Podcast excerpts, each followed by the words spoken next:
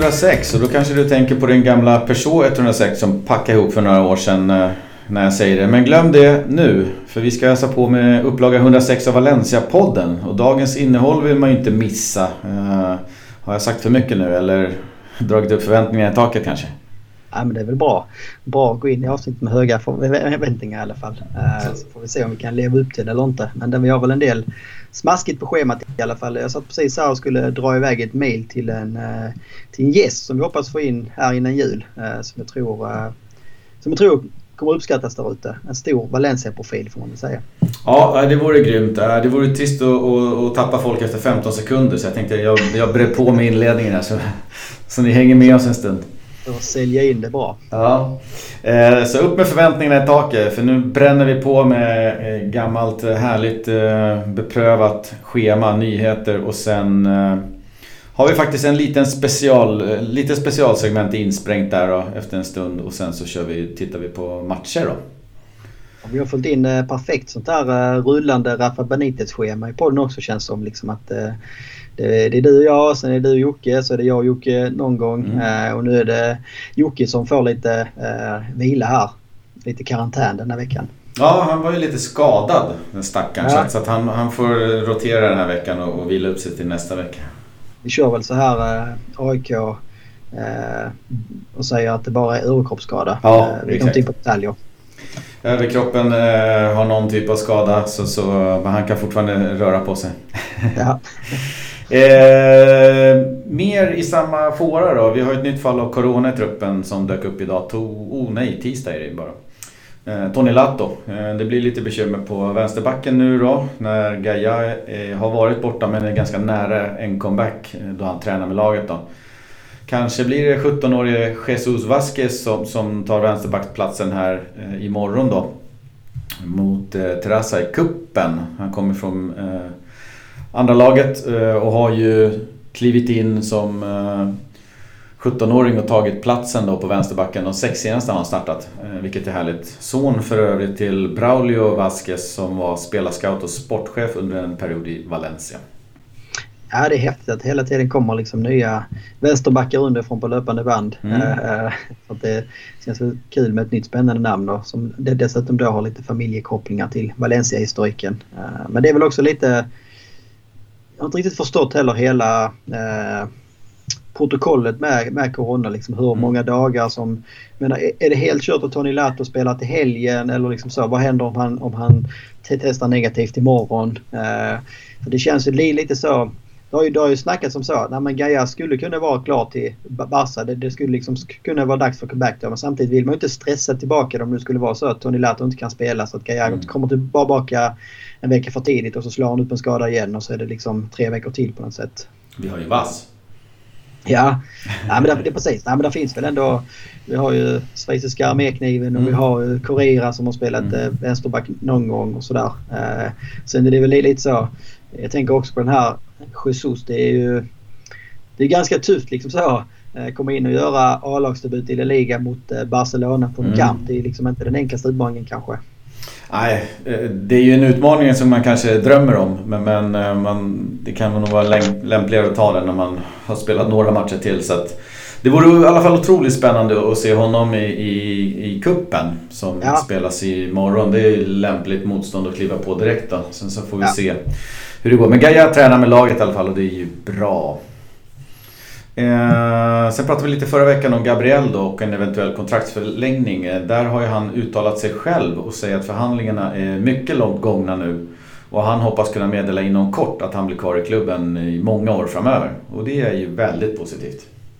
Ja, det är väl skönt liksom att eh, knyta upp spelare, framförallt Gabriel som har varit och kommer vara ännu mer framåt liksom en nyckelspelare där bak på något sätt. Sen så hur mycket, hur mycket, hur mycket det väl betyder, eh, som vi kanske kommer komma in till sen liksom med kontrakt och sådär, när det väl blir dags för någon försäljning. Men oavsett vad så är det en viss trygghet i alla fall att veta att eh, det kommer att krävas ett aktivt beslut av Valencia för att tappa Gabriel snarare än liksom så att kontraktet går ut och han kan lämna utan att Valencia kan göra något. Ja, jag får ju mer och mer en känsla av att han har ett riktigt stort Valencia-hjärta här nu och för något sätt, eller på något sätt förälskat sig i klubben och staden. Det är ju, han lever i samma turbulens som eh, Ferran Torres levde och alla andra som Kondogbia och alla de här. Men väljer ju ändå på, på många sätt att stå upp och, och verkligen vill. Han har blivit en av fyra kaptener och, och lite så. Så att, eh, det är beundransvärt ändå. Och jag hoppas verkligen att han blir kvar för det är ju den bästa mittbacken vi har. Absolut. Nej men det är ju... Han har sina, eh, sina brister, han har liksom sina, sina lite sämre stunder men det känns också som han ändå börjar mogna på något sätt. Mm. Eh, förhoppningsvis i alla fall. Han har också haft innan de här grejerna med att han kan ta onödiga röda kort och kan liksom göra idiotsaker på något sätt. Förhoppningsvis så med lite mer ansvar när han blir lite mer eh, både, både formell och informell ledare i laget. Att han också liksom ser att han behöver, behöver eh, skärpa sig på många olika sätt då. Eh, och det är ju, ja.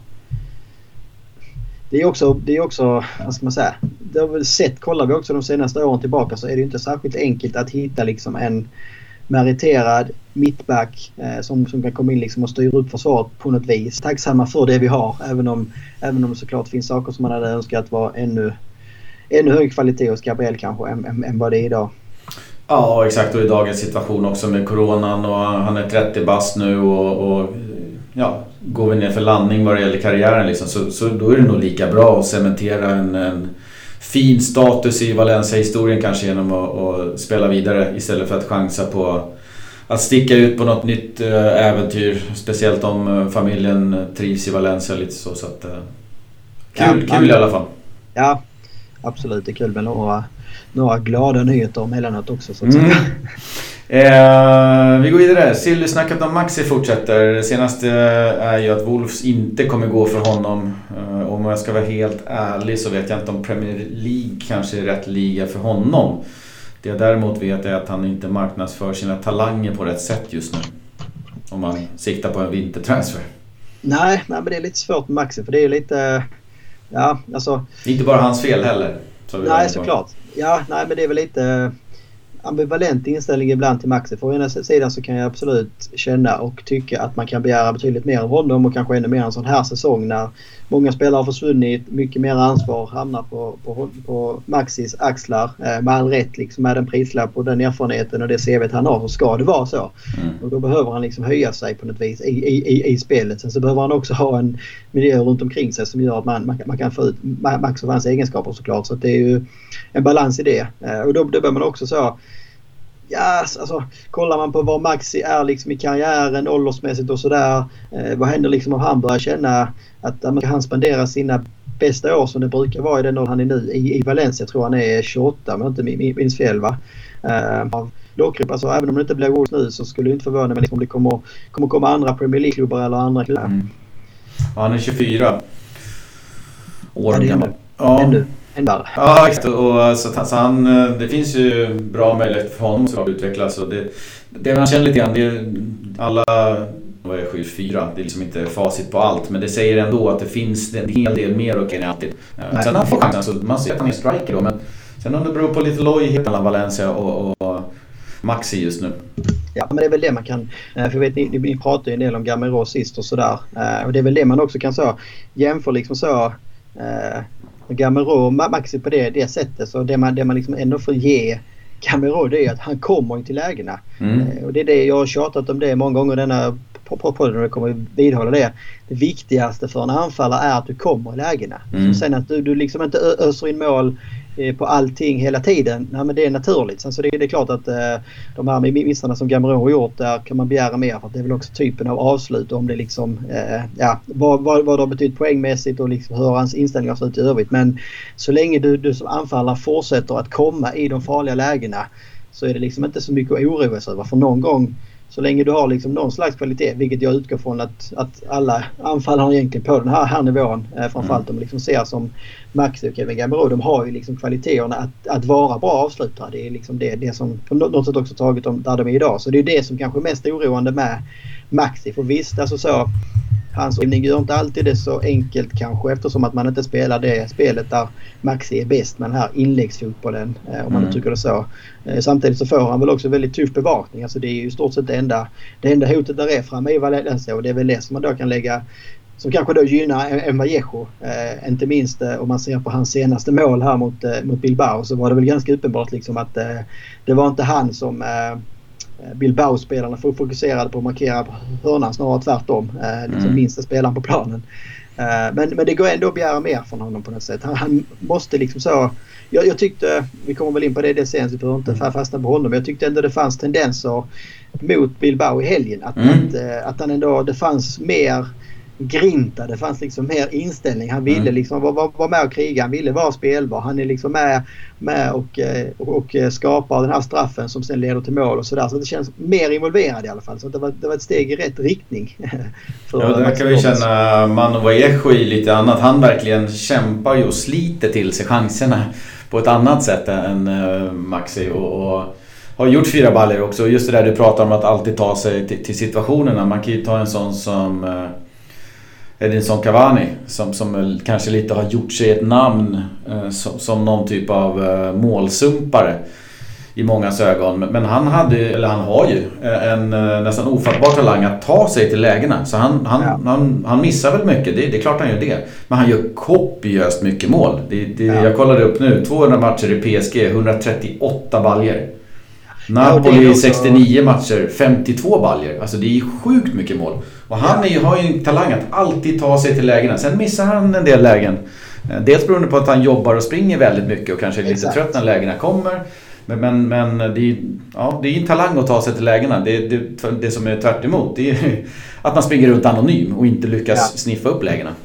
Men jag skulle precis säga det är också det som gör att spelare som Cavani till exempel fortsätter få chansen även om de mm. är inne i liksom en måltorka. Det är ju att även de matcherna de inte bidrar med mål så bidrar de med så mycket, mycket annat i spelet. Det, det kan vara löpningar, det kan liksom vara uh, ja, löpningar både liksom i det defensiva men också offensiva löpningar som öppnar upp för andra spelare som liksom hela tiden uh, gör det jobbigt för, för, för försvaret. Så även om man inte skiljer målen så skapar man kanske läge för, för, för de andra. Och det är mm. där jag tycker man har saknat det här av Maxi att nej, men visst du kanske är inne i perioder där spelmässigt rent tekniskt det stämmer inte 100%. Du liksom kommer inte helt, helt rätt i alla lägena. Men då måste du plocka fram det andra. Du måste liksom framförallt en spelare som han måste varje match ge någonting till laget. Alltså mm. sen om det är mål, assist eller poäng liksom på de här sätten. Eller det är liksom det hårda jobbet och, och den delen. Någonting av det behöver vi alltid kräva från Maxi. Det är väl där det kan kanske då är skillnad på till exempel en Juno som man säger så, som man mm. mer kan ha förståelse för, för ibland att nej, men när han har en dålig, dålig dag då, då bidrar han inte med någonting om, om man liksom ska, ska, ska, ska raljera på något mm. sätt. Eh, men Maxi och andra liksom, de här ledarna spelarna de behöver alltid de behöver alltid bidra med någonting. Deras lägstanivå måste vara högre än andras lägstanivå om man uttrycker det så. Ja, jag, jag fick en liten episod från matchen i, från Bilbao i hjärnan eh, kring Manu Vallejo. Det var något läge där Bilbao spelade bollen en bra bit ner till, till egen målvakt och så stod både Maxi och Mano nästan vid mittlinjen. Det var typ som tre backar nere som, som målvakten ville rulla ut bollen till. Och till slut så är Mano bara, men jag tar den här löpningen. Det är en idiotlöpning. Men då springer han rakt emot målvakten, täcker upp den spelaren till vänster och lyckas på egen hand få målvakten att sparka iväg bollen. Ja. Eh, och det är det man vill när man pressar, eh, att de ska sparka iväg bollen. För det är ju det är väl 60-70% chans att det blir ett bolltapp där och att Valencia får bollen.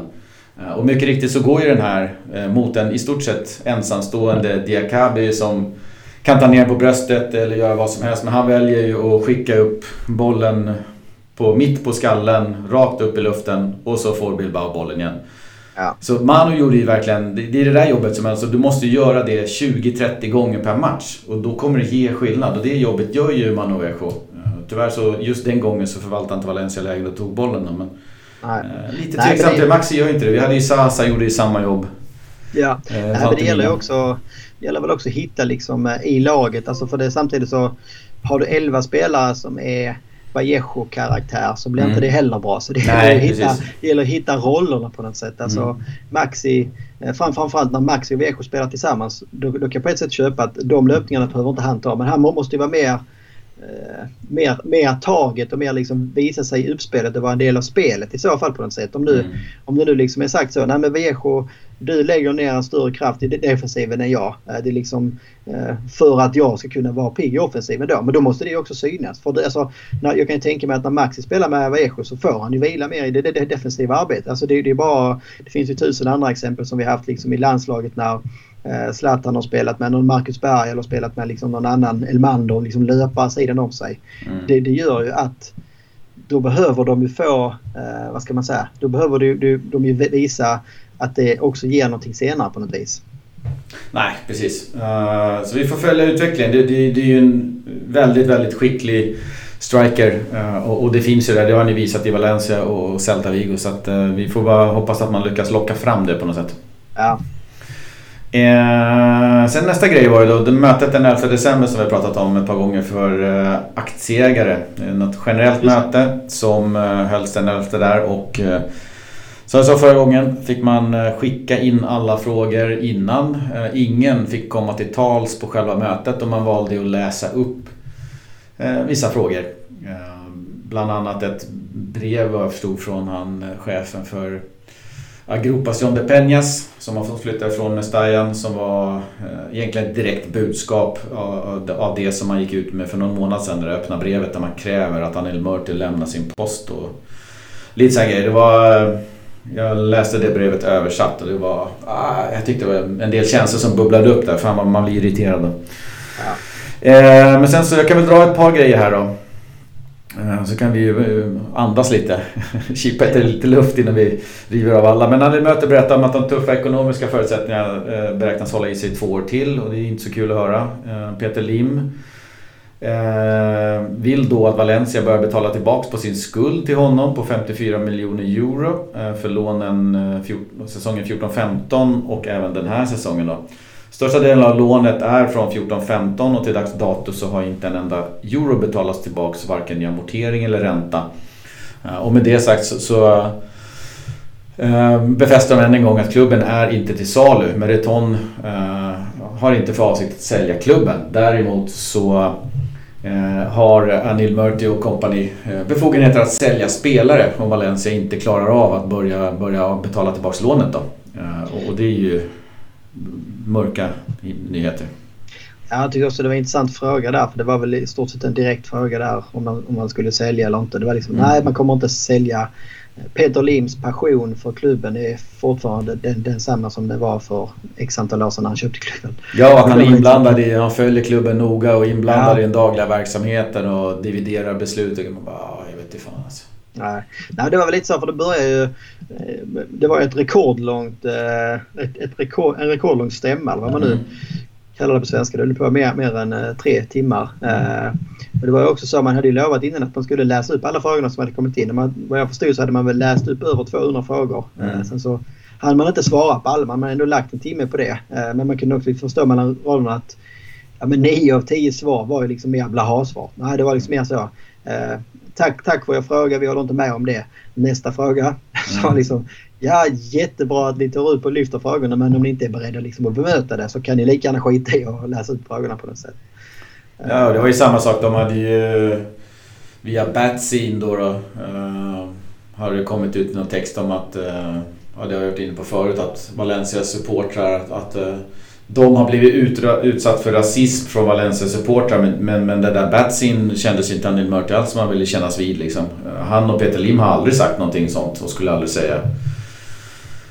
Det var också så här, de, de tar inte emot Nej, kritiken på något sätt. Liksom det också, känns också som det här du börjar med att eh, nej, men det, det, vi skulle vänta oss minst, eh, minst två år till med tuffa ekonomiska Det känns som den här perioden, för varje gång han pratar, Anil Murti, så blir det längre och längre fram mm. på något sätt. Uh, det pratar liksom så att nej, men Valen, alltså, det går liksom emot vad han sagt innan. För det var ju, man har förklarat att, att, att Valencia är så himla försiktiga och ekonomiska inför den här säsongen. Det är för att man tänker långsiktigt. För att man liksom så, det här, här kommer komma ikapp alla de andra lagen så småningom.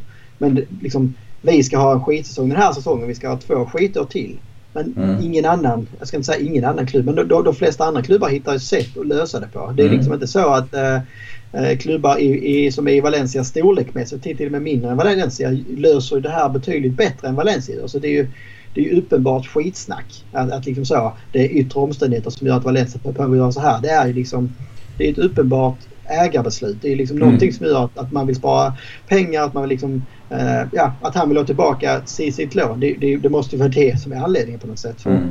Eh, det, det liksom så, vi kommer från en sommar där vi reat bort spelare, sänkt eh, trupp, truppens löner med x antal miljarder höll jag på att säga, men miljoner i alla fall och inte värvat ett skit. Och liksom så, det, det har hela tiden varit så Eh, motiverat med att ja, men det, det, det är coronasituationen, vi behöver liksom ha en mindre kostym nu. Och sen så nu, ja, by the way, eh, det kan också bero på att Peter Lim vill ha tillbaka 380 miljoner i, i ett lån som vi är skyldiga honom helt plötsligt. Och om, om de nu är så himla liksom försiktiga och tycker att den här coronasituationen är, är så jobbig ekonomisk. Varför begär han då tillbaka ett sånt här stort lån i de här tiderna? Det är mm. liksom det är väl hål i huvudet då. Om man nu tänker på, på, på klubben och tänker långsiktigt och vill liksom så vara, vara resonlig rent ekonomiskt. Då, då, då är det väl inte nu som du ska komma och begära tillbaka något, liksom stort lån och begära tillbaka hela lånet. Alltså det är ju, ja. Ja, och det är just allt det här som är eh, liksom så bakvänt. Jag menar, har du en Marcelino som tar dem till Champions League och får, får, får upp intäkterna på så sätt, vinner koppan och är med uppe i toppen av tabellen. Ja, då finns det intäkter. Dessutom så utvecklar han spelare. Han gör spelare bättre och spelare ja. kan säljas och man får en miljö där som är utvecklande. Nu har de ju bara stängt ner alla kranar, sparkat Marcelino och så parkerar man i mitten av tabellen, mycket mindre intäkter och egentligen inga spelare som, som utvecklas utan Ja, man kommer till Valencia oftast och så, ja, kolla på Maxi som vi pratade om. Man får inte ut det som, som, som han kan få ut eh, och få visa hela sitt register. Det gör ni inte i Valencia. Nej. Uh, så att, att det, värdet på spelarna sjunker ju drastiskt i den här modellen. Och han fick ju frågan också varför man hade reat ut halva truppen i somras. Och då speciellt Danny Parejo som han gav bort. Så då blev ju svaret föga förvånande att man inte alls hade reat ut någon. Uh, utan sett till ålder och framförallt lön så var man tvungen att göra dessa sunda avyttringar till vad man då får anta att han anser vara marknadsmässiga priser och, och det är hårresande alltså.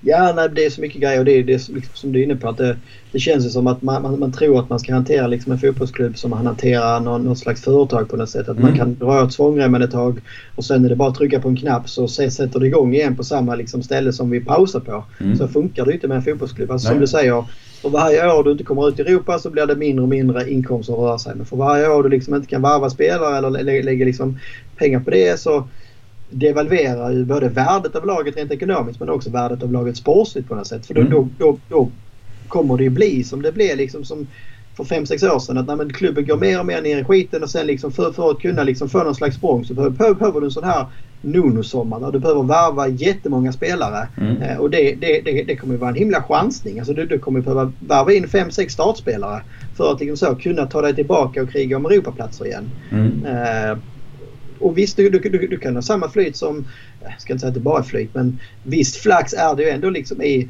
Marcelinos första höst att i stort sett alla värvningar klickar direkt. Mm. Eh, det är liksom väldigt sällan det är så. Du behöver liksom få in en extremt bra sportchef och du behöver få in en extremt bra tränare som det, det, det, dessutom liksom synkar väldigt bra och ha lite stolpe in med värvningar.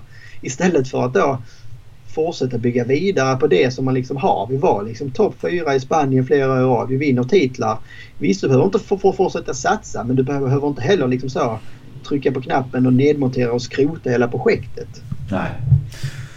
Nej, och spelarna försvinner ju. Nu har vi tappat då Ferran Torres långt under marknadsvärdet. Vi ser hur han eh, lyckas ändå i City som är en av världens, ja, vad ska man säga, topp fem bästa klubbar kanske. Ja. Eh, som han är med och tampas och levererar i, vilket ju är bra. Men honom tappar vi ju. Alltså vi tappar ju den bollen rejält. Hade det funnits en, klubb och, lite solsken på paternan och, och klubben så hade man, han kanske hade varit helt annat helt annorlunda inställd till att signa ett kontrakt och gå vidare med Valencia och sen säljas till rätt peng. Eh, ja. Nu så flyr ju bara folk. Kondogbia och alla, de, de bara sticker. Då blir man ju tvungen att släppa dem till någon reapeng liksom. Ja, nej men det är ju alltså återigen... Det är den miljön de har skapat. Det, ja, det, ja. det finns inget positivt i den här miljön. Nej, och det värsta är ju liksom precis det som du säger. Det är att man liksom...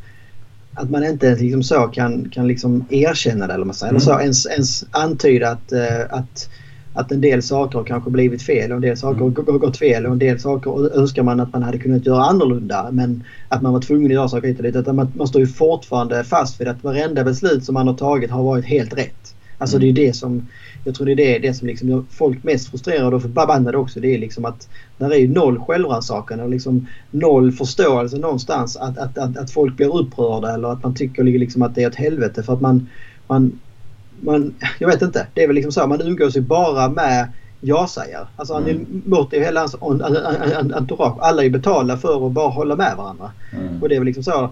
Självklart de sitter där och triggar varandra. Att det här är helt klart eh, rätt beslut och ingen annan kan någonting. Det är vi som kan mest. Och bygger ju bara liksom den här sprickan. Blir ju bara större och större för varje dag som går. Och det här mötet har ju inte direkt eh, gjort att eh, parterna har närmat sig varandra. Nej, det var väl dessutom sista mötet som eh, de aktieägarna som, som fick vara med här fick vara med överhuvudtaget. De höjer den där gränsen från 9 till 400 var det va? Ja, det, nej, det var fyra, jag tror de, de höjde till 3600 så det var 400 procent. Ja, så var det. Och det var helt galet och det tar ju bort alla de här mindre, de med, med röster och så här. Så att, äh, det är hemskt. Sen så ähm, kom det upp det här med tillståndet då för nya Mestalla som det är krav på. Det tillståndet finns ju till, till, till maj. Men Anil äh, berättade då att eh, kravet just nu är att de kommer in med lite konkreta planer. Eh, för, för staden Valencia vill egentligen bara ge dem en hjälpande hand. Eh, och det avser han att göra inom de kommande månaderna. Eh, tillståndet går ut i maj. Men de kommer att be om en förlängning. Och nyckeln här är precis som tidigare att säljer man marken som Mestalla står på så, så, finns det en väg framåt. Annars är det inte det. Och det är samma sak om det här tillståndet dras in.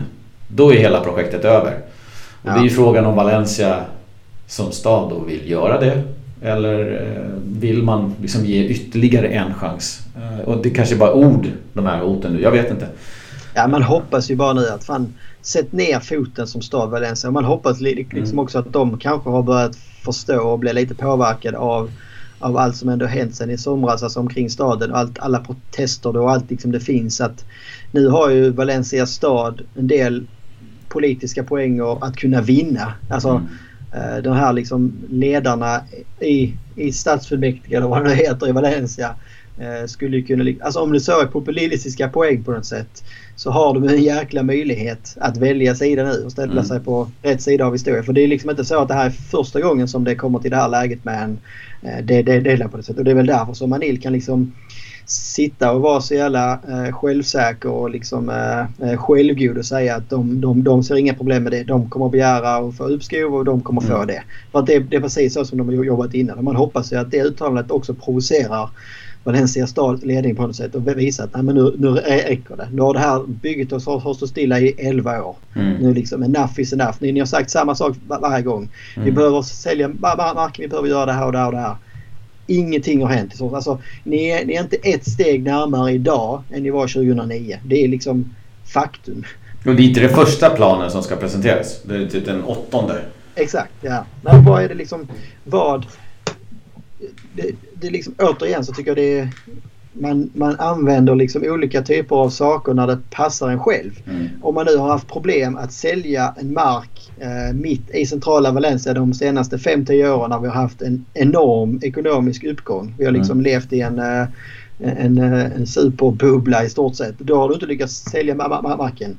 Nu när världen liksom är inne i eh, liksom en av de, de, de största eh, kriserna och i alla fall oron på, på säkert eh, ja, men sen, sen 2009 när bygget stoppades. Mm. Nu ska man liksom komma med, med, med en plan och tro att man ska få sålt marken. Finns det någon slags trovärdighet i det? Om man inte lyckas sälja den i extremt goda tider hur ska man då lyckas liksom sälja den i extremt dåliga tider? Det, alltså, det går inte ihop. Men det är, liksom, det, är det, det som är problemet. att eh, Murti och Lim de, de använder Corona liksom så när det passar dem. Men liksom sen när du ska liksom knyta ihop säcken och liksom det ska bli någon slags trovärdighet av det. Nej men då, då är det inte lönt att nämna det på något sätt. För att eh, då, då, då, då gynnar det ju inte deras sak. Nej, jag tror att den här planen som de presenterar kommer ju vara Eh, en ren pappersprodukt för att få förlängt på tillståndet bara. Och sen kommer de somna om igen och skita i planen. Och det har de gjort flera gånger tidigare och jag ser inte att Precis som du säger, coronatider, vad, vad finns det för någon som, som lättar på lädret nu eh, och, och, pungar upp de eh,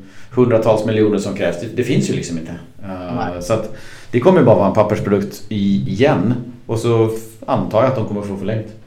Ja, man, man undrar ju liksom så, vad är det för liksom, alltså för jag antar att planen är ju, precis som säger, planen är ju att sälja marken först. Men vad är liksom så? Vad, vad, vad tänker man att man ska prova nu när det gäller att sälja marken som man inte liksom har kunnat göra de, de, de, de senaste 11 åren på något sätt? Mm. Alltså jag vet inte. Det, det går ju liksom... Ja, då, då får du liksom rea ut den på något sätt. Men det, har, det känns som det har man också provat. Jag antar att man har liksom haft olika typer av eh, strategier fram och tillbaka de senaste åren. Så det, jag vet inte. Det känns som att det är mer än eh, någon slags liksom inte politisk poäng, jag vet inte hur jag ska uttrycka det, men det, det är mer, mer något sånt hos Lim och Anil Murti. Alltså, jag, jag tror inte de är ett dugg intresserade av att eh, av att liksom stänga det här projektet, av att bygga färdigt arenan. Men, men, men för deras del så skulle det bara den dagen projektet läggs ner helt och hållet, då blir det ju ett de facto misslyckande. Så länge de liksom kan, kan dra ut på det här, så länge det här liksom fortfarande hänger i luften så det är ingen som, som kan säga att de inte har klarat det. Mm. Och jag tror det, det, det, det, det är det enda de är ute efter. Det är liksom att bara fördröja och fördröja och fördröja och fördröja det här så länge det bara går.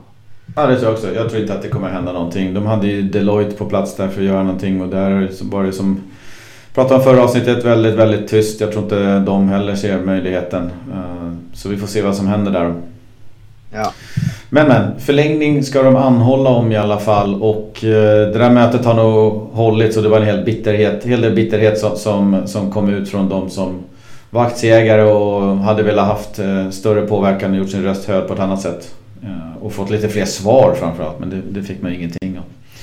Eh, så det var våra lilla genomgång där. Vi har en annan eh, specialare här nu då som eh, inte är så mycket positivare. Men, men vi, vi, känner ändå att vi, vi måste kliva på det tåget nu. kanske lite tidigt. Men, men det är bara prat från vår sida.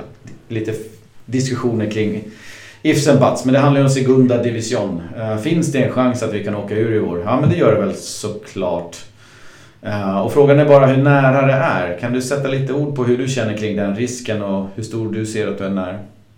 Nej, men till början så kan vi kolla liksom så på poängskörden och kolla mm. på tabellen. Det är väl liksom det enklaste. Men vi har, uh, vi har bara i historien liksom, det är bara två säsonger tidigare där vi efter, efter 13 omgångar har stått liksom på Eh, på 14 poäng eller lägre. Mm. Eh, ena, den ena säsongen är ju då 16-17 va? Eh, mm. Under Lim och Morty styre. Eller jag vet inte om han Lim och Morty hade kommit in men det måste han väl ha gjort. Mm. Med Paco Esteran och eh, Voro och eh, Prandelli. Mm. tre tränare som liksom var, var med och styrde den skutan då. Då lyckades man ändå styra upp det. Kollar man, man på truppen som fanns då. så är det ju en rätt, rätt mycket starkare trupp än vi har nu om man säger så. Mm. Uh, jag tror man hamnade till sist på 13 plats eller någonting så det var väl liksom aldrig nära på något sätt. Uh, kan också kolla så om vi ska fortsätta snabbt på, på statistikspåret. Det är egentligen bara en gång i modern tid som Valencia har åkt ur La Liga och det var i säsongen 85-86. Mm. Uh, då hade man efter 13 omgångar 17 poäng. så 4, 3 poäng mer, mer än vad vi har idag.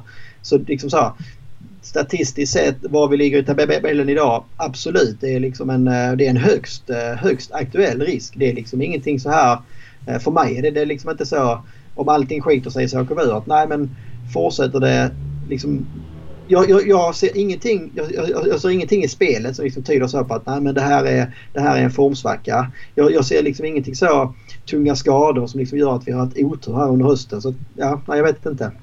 Nej, och vi kan ju kolla på snitten poäng kollar lite snabbt på som har krävts för att behöva stanna kvar. Då. Eh, och det ligger ungefär 0,95-0,97 eh, poäng per match i snitt de fem senaste åren. Eh, och där har Valencia idag 1,1 poäng per match. Så det är ju liksom farligt nära där. Förlust mot Barca och förlust mot Sevilla här i närtid. Så då är vi nere på de siffrorna som det har behövts för att åka ut. Och då ska man väl tänka eh, väl en subjektiv bedömning kanske, men, men topplagen delar med sig av sina poäng lite grann till övriga klubbar. Vilket gör att det ja. troligtvis kommer att krävas lite mer poäng än vanligt för att stanna kvar. Barca till exempel har ju hittills tappat 16 poäng, vilket ju i alla fall 10 poäng mer än vanligt. Och de 10 poängen är ju hos några andra klubbar. Ja. Eh, Nej, det är ju... Så det, det, det, ja, det, det, är ju, det är ju på håret. Ja. Och det känns också som det är ett år det ser vi om inte annat så ser man det väldigt tydligt på tabellen nu att det är liksom inte heller så här två slagpåsar som så. Du kan Nej. redan idag säga att de här lagen kommer att åka ur. Alltså kollar du mellanplacering Ja, du kan ju ta hela vägen upp till placering 9 egentligen. Eller om du till och med tar upp till placering 8. Barca på åttonde plats har 17 poäng. Sen har du Osasuna som ligger sist som har 11 poäng. Det, det är 6 mm. poäng det skiljer mellan plats 8 och plats 20. Mm. Det är liksom inget lag nere i botten som är avhängt eller som, som ser så pass uselt ut att man liksom kommer att åka ur med dunder och brak. Annars så kan man alltid ha så att det finns kanske en, ibland två så eh, vad man säga, livlinorna. Man vet att nej, men plats 19 och 20 det är de här, här två lagen. Det är liksom mm. garanterat. Nu har vi ändå snart, snart kommit nä, nä, nästan halvvägs in. Eh, men när det är liksom lag du har Cadi som är på sjunde plats. Ja, de skulle mycket väl kunna åka ur. Eh, och du har liksom då ja, mellan plats 8 och plats 17 som då är på säker mark idag. Eh, alla de lagen skulle i stort sett eh, kunna, kunna åka ut tror jag. Eh, samtidigt så skulle jag också det är liksom inget av de lagen som jag skulle bli förvånad så om, om de skulle kriga sig kvar heller. Så att det finns väldigt mycket som liksom gör det här till en exceptionell säsong på många sätt och vis. Mm. Och också liksom med Valencia vi vet att det, det, det, är ett ungt lag, det är ett mycket oerfaret lag. Hur hanterar man liksom när det väl börjar brännas på riktigt eller vad man ska säga. Alltså, än så mm. länge har man ändå varit lite upp och ner under hösten. Man har liksom legat på, på, ja, man har legat på trygg mark hela tiden. Man börjar ju till, till, till och med liksom att kunna vara på över halva när tabellen haltar li, li, li, lite mm. grann. Nu för varje, för varje match så halkar man ju längre och längre ner och nu liksom så eh, en, en seger på de nio senaste. Nu väntar Barca och Sevilla i de två närmaste omgångarna. Ja, två veckor fram så kan liksom läget vara, vara riktigt prekärt. Eh, och hur, hur hanterar liksom en, en Gracia som tränare det? Hur, hur hanterar liksom spelartruppen det? Där man liksom inte har den erfarenheten och där det liksom sen, redan sen innan stormar, stormar som vi vet på alla sätt och vis runt omkring klubben. Och tror liksom inte heller att det finns någon eh, någon så här plan B i vinterfönstret att nej men behöver vi, vi förstärka så får, får, får vi göra det. Det finns liksom ingenting uttalande som, som, som tyder på det utan... Snarare tvärtom. Exakt. Ja, jag tycker också att de senaste två matcherna var eh, två kryssen mot uh, Eibar borta och Bilbao hemma. De fyra poängen hade gett oss en uh, Europa League-plats. Uh, alltså sjunde, sjätte plats där uppe. Uh, och, och, nu har vi inte det. Och nu väntar ju två tuffa matcher som du säger mot Barcelona och Sevilla. Och sen har vi Granada borta och de ligger på en Europaplats. Så det är inte heller någon walk in the park. Så säga, tre svåra matcher i rad åtminstone. Det är Cadiz hemma efter det. då en poäng på de tre, ja då, då brinner det på Torstens vind. Ja, ja, ja. Nej, men det, det är liksom... Eh... Om det inte redan gör det, rättare sagt. Ja, nej, men det är väl just liksom alltså att det, det börjar liksom för mig så börjar liksom saker och ting gå ihop som en så här perfect storm på något mm. sätt. Alltså, eh, inför säsongen så pratade vi ändå mycket, mycket, mycket om så att nej men på, på pappret i teorin så såg ju allting så rätt så, så här, ja, men det, det, ser bara skit ut. Det var liksom, det var, det var, vi, vi kom in till säsongen stormigt, vi hade tappat liksom mer än halva startelvan, det hade inte kommit in någonting.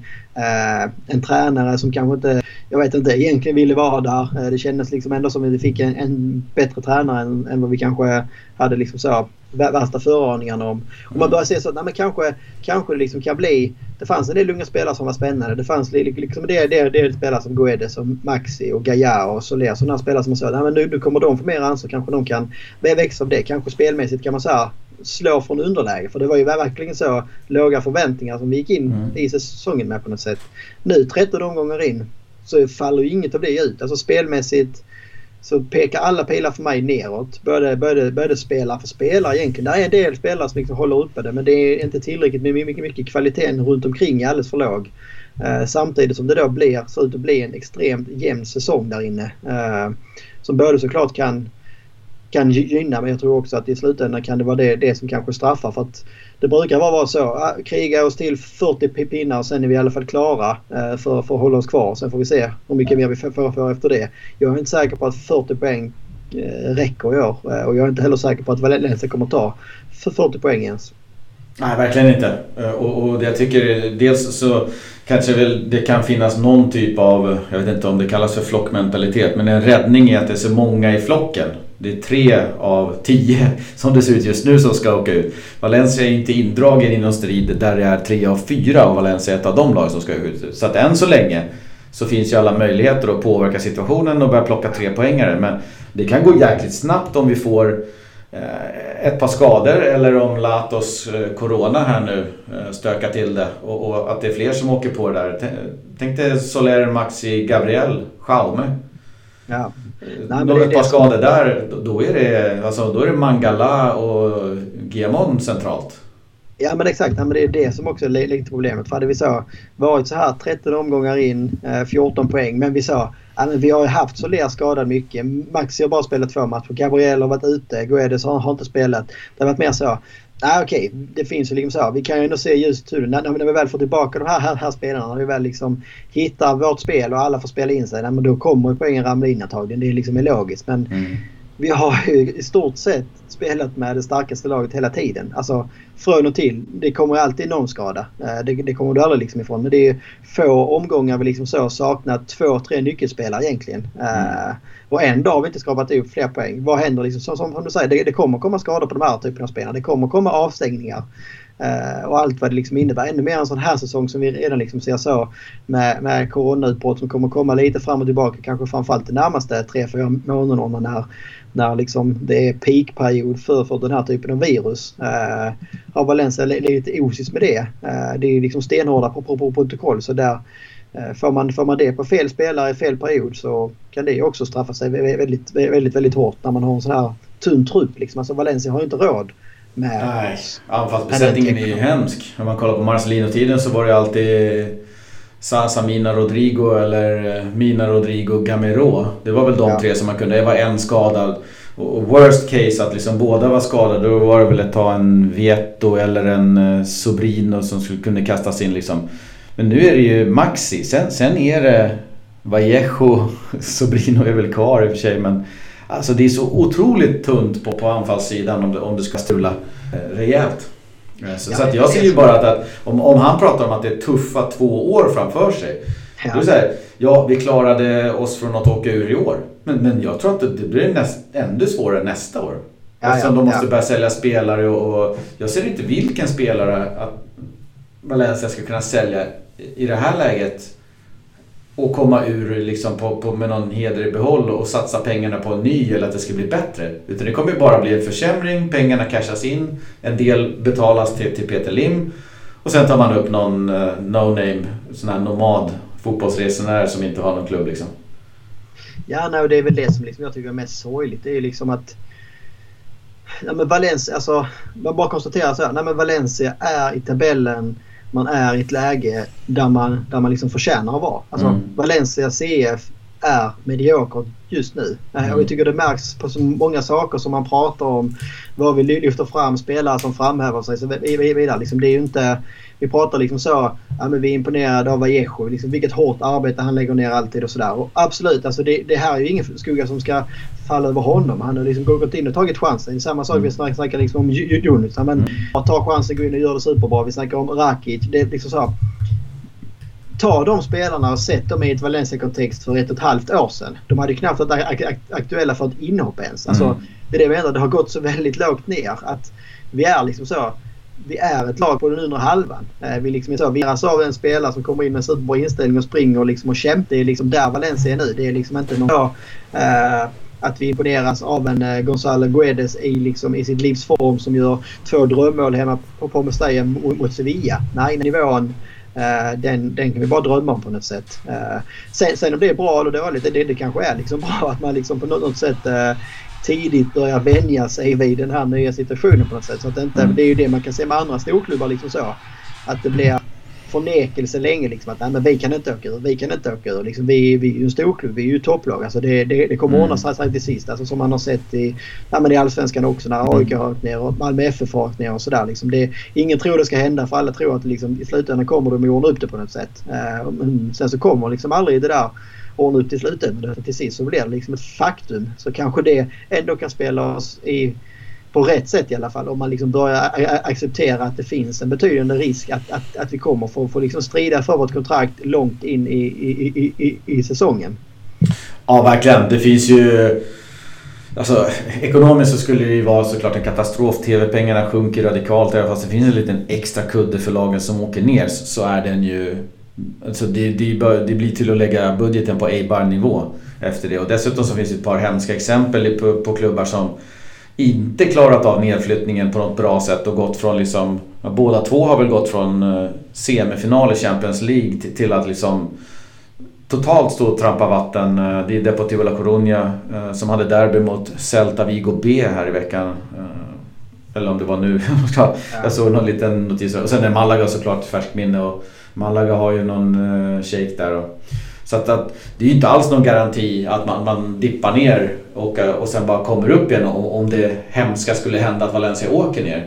Men, men, men, jag ser inte riktigt någon väg ut uh, från det här uh, i och med att det enda man pratar om nu när man har sålt av alla spelare och tagit in en del pengar så pratar man fortfarande om att det finns bara ett stort svart hål att stoppa mer pengar i.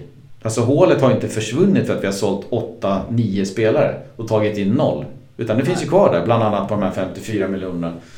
Eh, så jag vet inte hur det här ska lösa sig. Alltså jag får väl skriva under på den här tvåårsperioden av mörker som, som Manil pratar om, tyvärr. Eh, men det kan innebära nedflyttning nästa år eller året efter. Alltså så illa känns det faktiskt.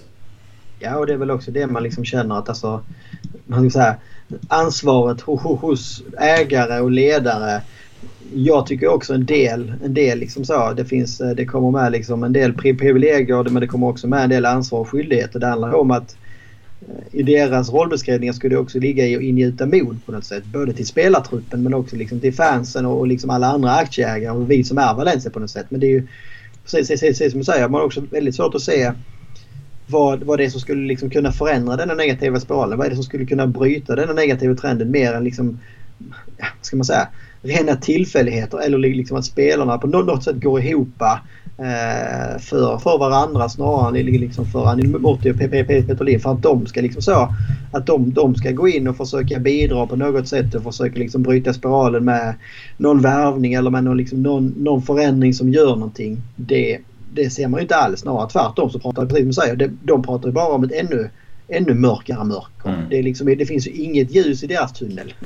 så det är så okej, vi, vi befinner oss här idag. Vi har en seger på de, nio senaste. Vi liksom sjunker allt närmare ned, nedflyttningsplats. Vad är det Anil Morti tar upp på när han har chansen att prata inför alla fansen? Det är liksom så här, förvänta er att det här skiten ska hålla i sig minst två år till.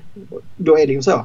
Nej men 20, hösten 2022, om det här fortsätter så här, om det liksom inte blir någon vändning, då är det ju det är liksom jag, jag skulle bli mer överraskad om vi är i La Liga om två år än om vi är i sekunden om två år.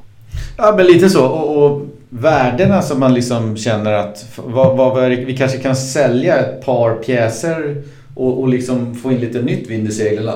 Men en sån som Jonas Musa, vad ligger han på idag? 5-10 miljoner kanske? Uh, alltså, han inte, har inte bevisat sig för att vara tillräckligt bra för att kliva in i ett Real. Det ska ju vara en, en ren chansning från de här storklubbarna och de sitter inte heller på någon pengar på sig. Då. Uh, Gaia, visst, visst kan han gå för en slant, 25 år. Men han har ju deklarerat att han inte är på väg någonstans och Valencia har ju deklarerat att han ska behållas. Så att han lär inte vara på väg någonstans. Kolla på en Gedes då. Hans aktier är ju i botten. De vill ha 40 för han då. Kanske vi får 15-20 nu. Ja, vad, vad har vi resten liksom? Du, du har ju Gamero ingenting. Kangin Lee. Han har inte heller visat no, no, någon form eller någonting som tyder på att han ska gå för någon peng. Nej, det är liksom det är ingen spelare som så här uppenbart skulle gå för mer än 20 idag. Alltså det, få, få, få omkring 20 också. Alltså det är kanske en Gaia. Mm. Eh, sen är liksom problemet med honom är väl mer hans position så att säga. Alltså mm. att han är, att han är liksom så här topp 5 i världen på vänsterbacken, absolut. Men det finns också liksom begränsningar i hur mycket man betalar för en ytterback. Eh, sen precis som du säger, Jonas Musa och Kangeli, där finns, där finns liksom en oslipad diamant men i de här ännu mer osäkert i de här liksom coronatiderna så värvar man liksom inte för 50 miljoner den typen av spelare och hoppas att man ska kunna göra någonting. Eh, Carlos Soler, ja, det, också för lite bevisat för att liksom någon ska punga upp de allra största pengarna. Att han håller liksom i nästa nivå lag. Vet inte riktigt. Guedes, precis som du är inne på, nej där finns liksom det, det fanns någonting där med skador och allting sånt har förstått så det, det är en rejäl chansning där också. Så det, det finns liksom inte så Ja, vi har ju två guld, guldklimpar. Alltså worst case så får vi offra dem och så får vi i alla fall in 100 miljoner och kunna bygga ett nytt lag omkring. Den, den liksom eh, livlinan har vi ju redan bränt. Nej, det finns ju inget värde kvar på samma sätt. Vi, har ingen, vi, vi tänkte ju Ferran Torres, vad, vad kan den ge? 60-70? Borde det väl ha gett, kan man tycka. Uh, men den rev vi ju bort. Alltså den typen av, av, spelare som, som kan dra in den typen av pengar finns inte.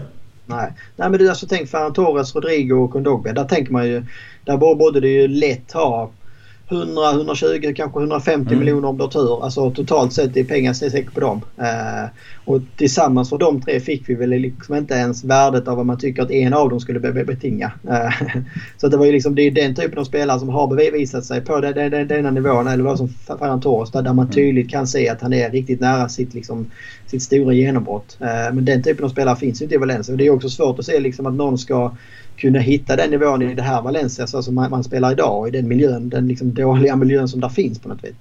Ja, det, det är lite bittert när man, eller trist när man ja, lyfter på locket med, med just Segunda men, men det ser ju ut att vara en utstakad väg åt det hållet. Sen kan man ju såklart att Valencia har både laget och truppen som, som kan och kanske både bör kunna kravla sig kvar. Men jag är övertygad om att vi kommer vara ner, med i, i nedflyttningsstrider inom de kommande två åren. På riktigt med. Inte ja, ja, bara ja. så här nere och nicka någon gång i, runt omgång 20 och sen rädda upp det. Utan jag tror att det kommer vara långt in på våren. Om, om vi klarar oss kvar så, så kommer vi vara med länge i den här nedflyttningsstigen. I år eller nästa år eller året efter det. För jag ser liksom inte riktigt vad som ska komma in och lösa problemet. Nej, det enda jag, jag ser liksom så om man ska försöka avsluta med någonting lite ljusare. Det är ju det är att du får in en tränare som är, liksom är expert på den här typen av utmaningar. Alltså, mm.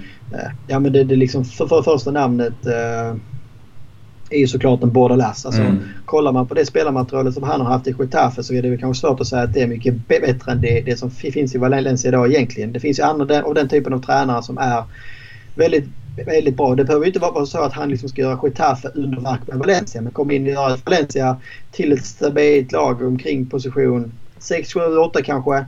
Alltså det, det skulle jag säga, det hade varit succé och rejäl framgång för Valencia de närmaste åren att kunna hitta den typen av tränare och den typen av stabilitet. Allting annat är bara en utopi. Alltså så, att gå och prata om Europaplatser och så de närmaste åren. Nej men det är liksom det är ungefär lika trovärdigt som att, eh, ja, men, att tomte finns. Det är, liksom, det är på den, den nivån nu.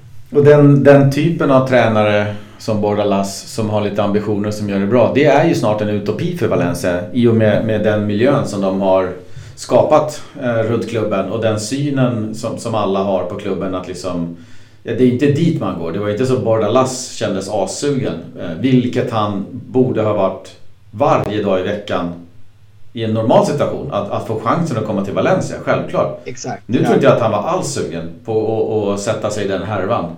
Nej, sen så tror jag inte heller att eh, Anil Murti och Peter Lim liksom på något sätt inser det. Utan de, mm. de är väl fortfarande liksom i någon slags fantasyvärld att Valencia är topplag som ska liksom kriga om att vinna ligan och vi ska spela fin fotboll och det ska vara liksom, vi ska släppa fram unga, unga flygande spelare och det kommer att göra att vi liksom kommer, kommer att ta oss tillbaka till toppen på något sätt. Alltså, på något sätt handlar det liksom också om att de ledande personerna behöver svälja stoltheten och inse var någonstans är vi nu? Nej men nu är vi här. Okej, då behöver vi, vi, vi en tränare som spelar på det här sättet. Det, det kommer vara liksom långt ifrån publikfriande. Det kommer liksom vara långt ifrån en fotboll som man kanske egentligen så tycker att Valencia är värdig att spela. Men nu handlar det liksom bara om och det är liksom det, det är där vi är mina vänner. Tyvärr. Ja, och chanserna får ju de här unga spelarna eh, här och var. Men det känns som att vi tappar ut dem lika fort utan att kunna kapitalisera varken på, på leverans eller ekonomi när de sticker. Ja, nej. Så att eh, det var det om Segunda. Vi är inte där än så, så vi ska ju fortsätta kämpa och försöka eh, hålla positiviteten uppe eh, kring högsta divisionen medan vi ändå är där. Men, men vi tänkte ändå att vi, vi bollar upp den och pratar lite kring det då. Och så ändå säga, det känns ändå sjukt liksom så här, Vad är vi inne på tredje året med podden nu och nu sitter vi liksom här och pratar om, om segundan, alltså på riktigt. Det är liksom mm. inte bara, bara så, innan har man kanske nämnt det så att nej men fortsätter det här så kan det liksom bli att vi får kriga om vår plats i sekunden. Nu, liksom så. Nej men nu känns det verkligen så. Alltså jag, jag skulle mycket väl kunna spola fram till tiden liksom tre, fyra månader och se liksom Valencia så en, två poäng från nedflyttning och verkligen så kniven mot strupen i de sista omgångarna. Och det är ju Ja, det är det är tragikomiskt på något sätt. Alltså man, man, man kan försöka skratta åt det men samtidigt så är det såklart otroligt, otroligt sårande och sorgligt på något vis. Ja, och det året där vi började så dåligt som du sa, kolla nu. Eh, laget var ju Gaia, Garay, Parejo, eh, Soler, eh, Santemina, Rodrigo, Sasa. Fanns lite annat. Ja, men det, Krut i bössan då. Alltså, även om man kan ta svår start, man hade säkert liksom så om allting hade sketit sig och det hade fortsatt så så hade man säkert kunnat ramla ur. Men det, alltså, jag upplevde inte liksom att det fanns samma så genuina oro vart det var på väg. För det fanns ändå någonting att nej men den här truppen de måste bara ta, ta sig samman. Alltså det mm. går inte att det här laget åker ur. Alltså det var ju liksom fyra, fem minst landslagsspelare egentligen. Alltså det fanns så, nej det här, med det här, här, här laget kan vi inte åka ur. Alltså att man slutar trettonde plats då. Det var ju som att åka ur egentligen ja. det laget. Alltså, eh, precis som du, du varit inne på innan. Att det här är ju liksom vårt helvete. Det här laget som Valencia har nu absolut en nedflyttningskandidat liksom på pappret ännu mer om du kollar liksom spelare 13 till 17 i truppen. Alltså kollar du för första 11. Ja, men absolut att eh, liksom OK, ett bra La Liga-lag på eh, rätt dagar. Mm. Men när du sen lägger ihop liksom hela truppen på en hel säsong. Absolut tillräckligt dåliga för att åka ur. Ja, och vi får hoppas att de skördar lite grann på våren då, då kanske när när många lag kanske går tungt med Koppa och eventuellt Europaspel och vi inte gör det. Så vi hoppas att det får någonting att tippa i, i vår favör då. Ja. Men men, eh, vi tar en eh, liten kort paus. För er är den ju sju sekunder men för oss kanske det är fem minuter. Så vi hörs om en liten stund.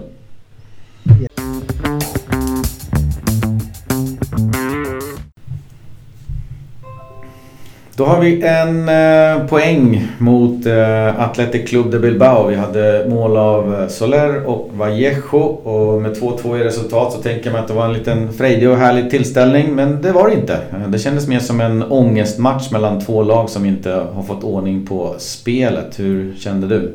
Nej men det var väl en bra, bra sammanfattning. Alltså, man kan också kunna säga att det var väl liksom efter att ha sett den här matchen så kan man väl ha förståelse för att båda lagen ligger där de ligger i tabellen. Mm. Uh, uh, Lens, alltså det här skulle ju kunna vara liksom en match mellan två lag som slåss om Champions League-platser egentligen. Mm. Uh, men egentligen av lite olika anledningar kan man väl också säga i den andra änden av tabellen just nu.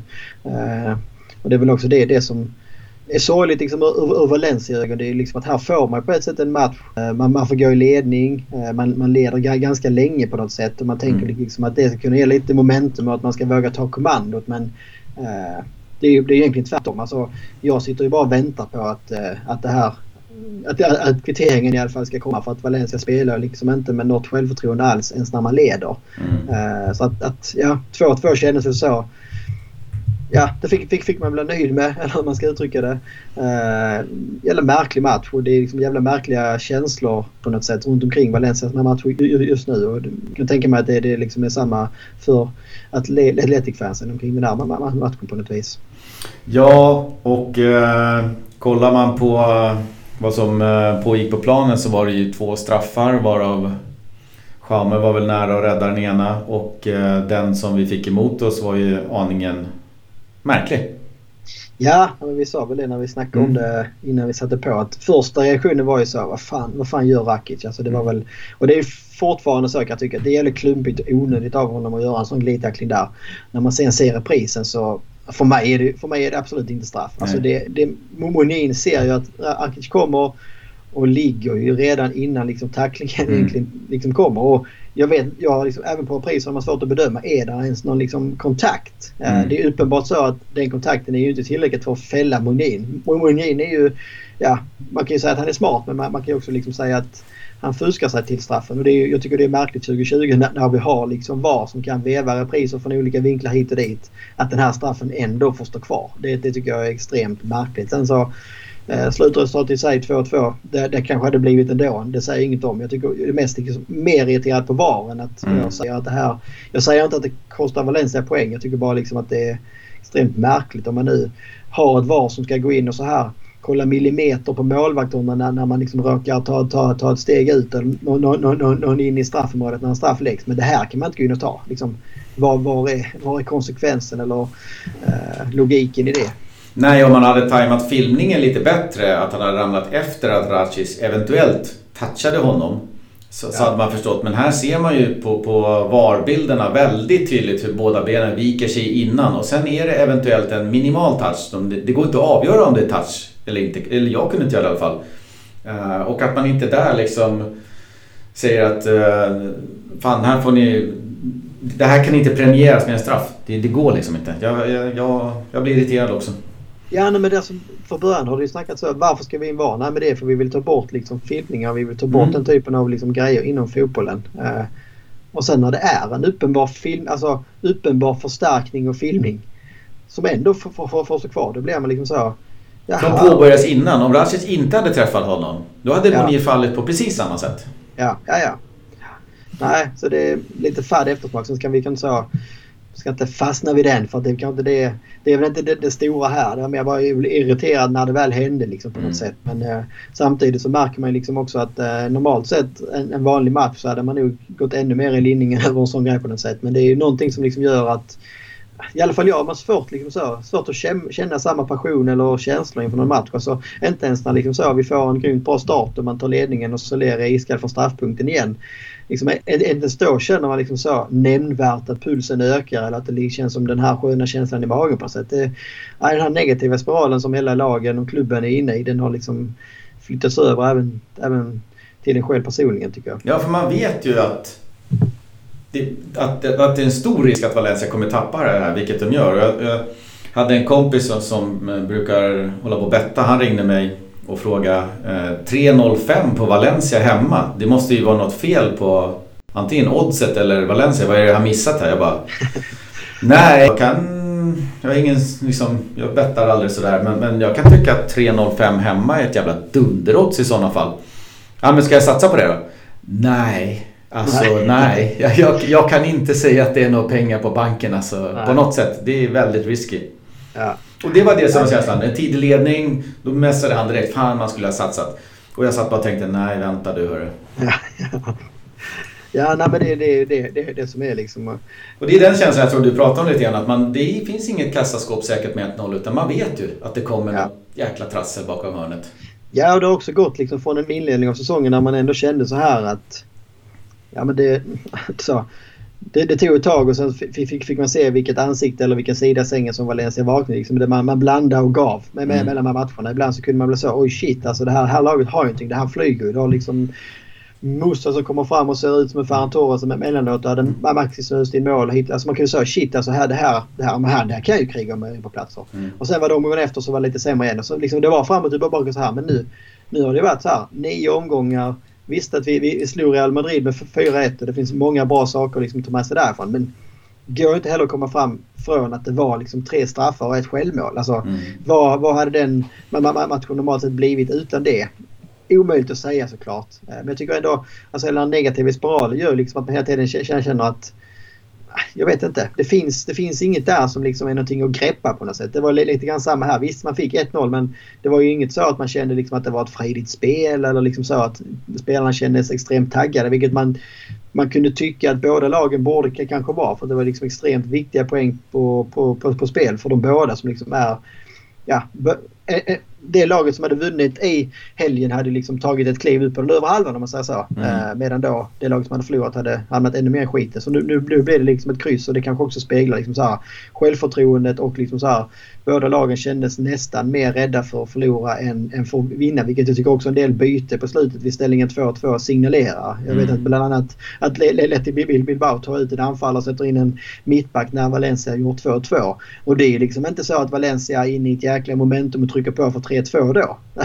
Mm. Ändå så liksom vill, eh, vill Gaetano säkra den poängen som man har. Och det var väl lite, lite grann samma. Sen kan man säga vad man vill om, om Gracia och hans bänk, hur mycket han har att slänga in. Men det var ju liksom ingenting i hans taktik eller bytesbeslutet som liksom sa ja, men här går han för trean. Han är inte nöjd med en poäng på hemmaplan. Utan här, här, här går vi för trean. Utan det var ju liksom... Nej, vi fick 2-2 och sen så... Ja, sen spelar vi av och så får vi hoppas. Kanske, kanske det dyker upp en chans. Kanske, kanske det inte gör det. Mm. Ja, jobbigt var det. Är det någon som du tyckte stack ut? Eh, någon som förtjänar lite beröm? Jag är väl inne på det innan. Jag tycker att det finns en del tendenser i Maxis spel som var bättre nu än det varit. Eh, ja, framförallt de, de, de tre, fyra senaste omgångarna tycker han har varit extremt eh, osynlig. Nu tycker jag ändå han syns lite mer. Eh, lite mer inställning eh, på det sättet. Så Ler tycker jag, jag också tycker han får en otacksam position i den här matchen. Kommer alldeles för långt ner och får liksom inte riktigt vara där han, där han kanske är, är som bäst. Lite längre upp och vara mer kreatören på något sätt. Nu blir han mer som en defensiv innermittfältare. Men jag tycker ändå tycker ändå han gör det bra där. Eh, fortsätter liksom vara iskall på straffen. Han liksom har ett mål och en ass. Det är också eh, säga att han det ser ut som poängställare som han har blivit i år. Mm. Eh, tycker jag också gör ett par, liksom inga sådär extraordinära räddningar men det är ändå ett par bra räddningar. Eh, han är nära att ta, ta straffen också. Eh, och det, det första målet som han gör har han ju ingenting att göra på. Så att, eh, väl de tre sådär. Eh, utan att någon av dem gör en liksom sin bästa match för säsongen så är det väl ja, lite bättre än eh, kollektivet i alla fall på de tre i min bok. Ja, vi pratade lite om Manovejo också med, med löpviljan där och jag tänkte ja, på ja. hans mål där är ju lite speciellt. För den är ju så nära att backen är på bollen. Men ändå så har han, precis som han ska ha, fokus på att han inte kommer toucha den. Och, och, den backen är kanske 2-3 meter framför så du har inte mer än en 2-3 tiondelar sekund tänkte jag säga från att den går från hans huvud tills den ska träffa Manos panna och sen ska han rikta in den i mål. Så det finns ju en skicklighet i att han sätter den då just med den detaljen. Lite som en... Man springer fram på nät då i paddel eller tennis och, och det kommer en boll precis över nät. Man tror att den ska ta på en nätrullare så gör den inte. Alltså det blir svårt när den kommer så nära att toucha en back. Så det var skickligt. Så vad, vad har vi Mano egentligen? Liksom? Är det en målskytt vi har där? Nej men det är alltså lite grann som vi sa innan. Liksom det är ju, visst man kan säga så. Ja, det är ett jäkla turmål. Det är en målvaktstabbe hit och dit och han får mm. ett mål. Ja alltså absolut. Det är ju liksom, det är, det är inte han som liksom gör någon bra prestation kanske. Utan det är ju, han får ju läget på grund av ett tabbe. Men han får ju också läget för att han är där. Precis mm. som du säger så reagerar han ju ändå instinktivt när bollen väl dyker upp. Han står liksom inte och sover eller blir, blir förvånad. Utan mm. han gör ju det bra. Och han har det händer ju ganska ofta spelare gör. Att man tror att den ska toucha backen och sen kommer så får man den i knät istället på någon vänster. Exakt, ja precis. Nej, ja, exakt, att man mer reagerar mm. än att man, är, man tänker liksom lite proaktivt. Eh, nej men då det, alltså, kollar man eh, Sen har det varit lite upp och ner men det, på något sätt han har ändå gjort fyra mål och han har spelat drygt 400 minuter och då har då en Maxi som har spelat närmare 1000 minuter och står på tre mål. Eh, och då har andra liksom anfallare, en Guedes som står 700 minuter och bara ett mål och, och sådär. Så det är säga vad man vill om honom så, så får vi ändå ut en, en hel del av honom. Alltså att han står på fyra mål. Han är väl en av de, de, de liksom spelarna i år som man ändå får säga kanske inte överlevererat, överträffat supermycket men det är en av de spelarna som man inte går att säga att man är besviken på efter de här 13 första för, för, för, omgångarna. Tvärtom så är han ändå ett utropstecken och jag tycker också eh, ja, men som, som, lite som vi snackade om innan att du vet vad, vad du får. Han gör inte mål varje match. Eh, nu är han inne i ett litet stim där han verkar vara lite hetare i, i, omkring boxen igen. Eh, men du vet alltid att det minsta du får med honom liksom på planen oavsett om det är ett inhopp eller det är från start så är det ju hans arbetskapacitet. Det, det, den har han alltid med sig. Mm. Eh, så att... Nej, det är ju... Kollar man på andra stats så har han gjort me, mest... mer mål än vad han har haft chanser till i, i hela truppen. Då. Ja, nej, men det är väl framförallt eh, båda de målen han gör mot Levante i premiären är väl mer... Eh, jag tror inte det var höga expected goals på dem om man säger nej, så. Exakt. Det här målet han, han gör nu ska han göra mål. Alltså han mm. får ju öppet mål i stort. Och sen, sen så är det ju ändå bra att han liksom eh, inte reagerar i efterhand utan att han ändå är, är, är beredd på det. Eh, men det är ju, ja, som vi är inne på andra sidan då som vi var inne på innan så kan man säga så att det är lite sorgligt att det är Manu Vallejo som... För mig är det ju Manu Vallejo och kanske Carlos Soler som symboliserar den här hösten. Och Carlos Soler är ju mer så... Eh, tänker man tillbaka så, vad är två, tre saker som liksom så tar med sig från den här hösten? Ja, men det är ju Carlos Soler vid straffpunkten och sen är det ju Manu Vallejos hårda arbete och att han då liksom trillar in en boll då och då. Eh, det är väl mm. de sakerna som man kanske så har med sig på något sätt. Och, eh, det blir ju också li lite symboliskt för att för att vi är där vi är i tabellen. Här hade vi liksom varit på Europaplatser i offensiven så hade det kanske varit andra spelare eller andra saker som man mer hade, hade fått med sig att det var liksom eh, prestationer på något vis. Uh, så det, ja, alltså, det är också svårt med Adeweko tycker jag för att det, det, en hel del faller tillbaka liksom på, på Javi Gracia och hans taktik. Och mm. alltså, vad, vad, vad, vad, är tanken i offensiven? Eh, det finns liksom ingen tanke som jag ser det. Det finns ingen tydliga linjer för hur man vill spela på något sätt. Och då, då blir det väldigt så... Då, då, då blir det också väldigt enkelt att spela Manuejo för att jag, han så jag älskar den, den, den, typen av spelare som har den inställningen som löper på allt hit och dit. Men det är också en mardröm rent taktiskt för att den, den, den typen av spelare kan också ibland löpa för mycket. Mm. Om man mm. säger så.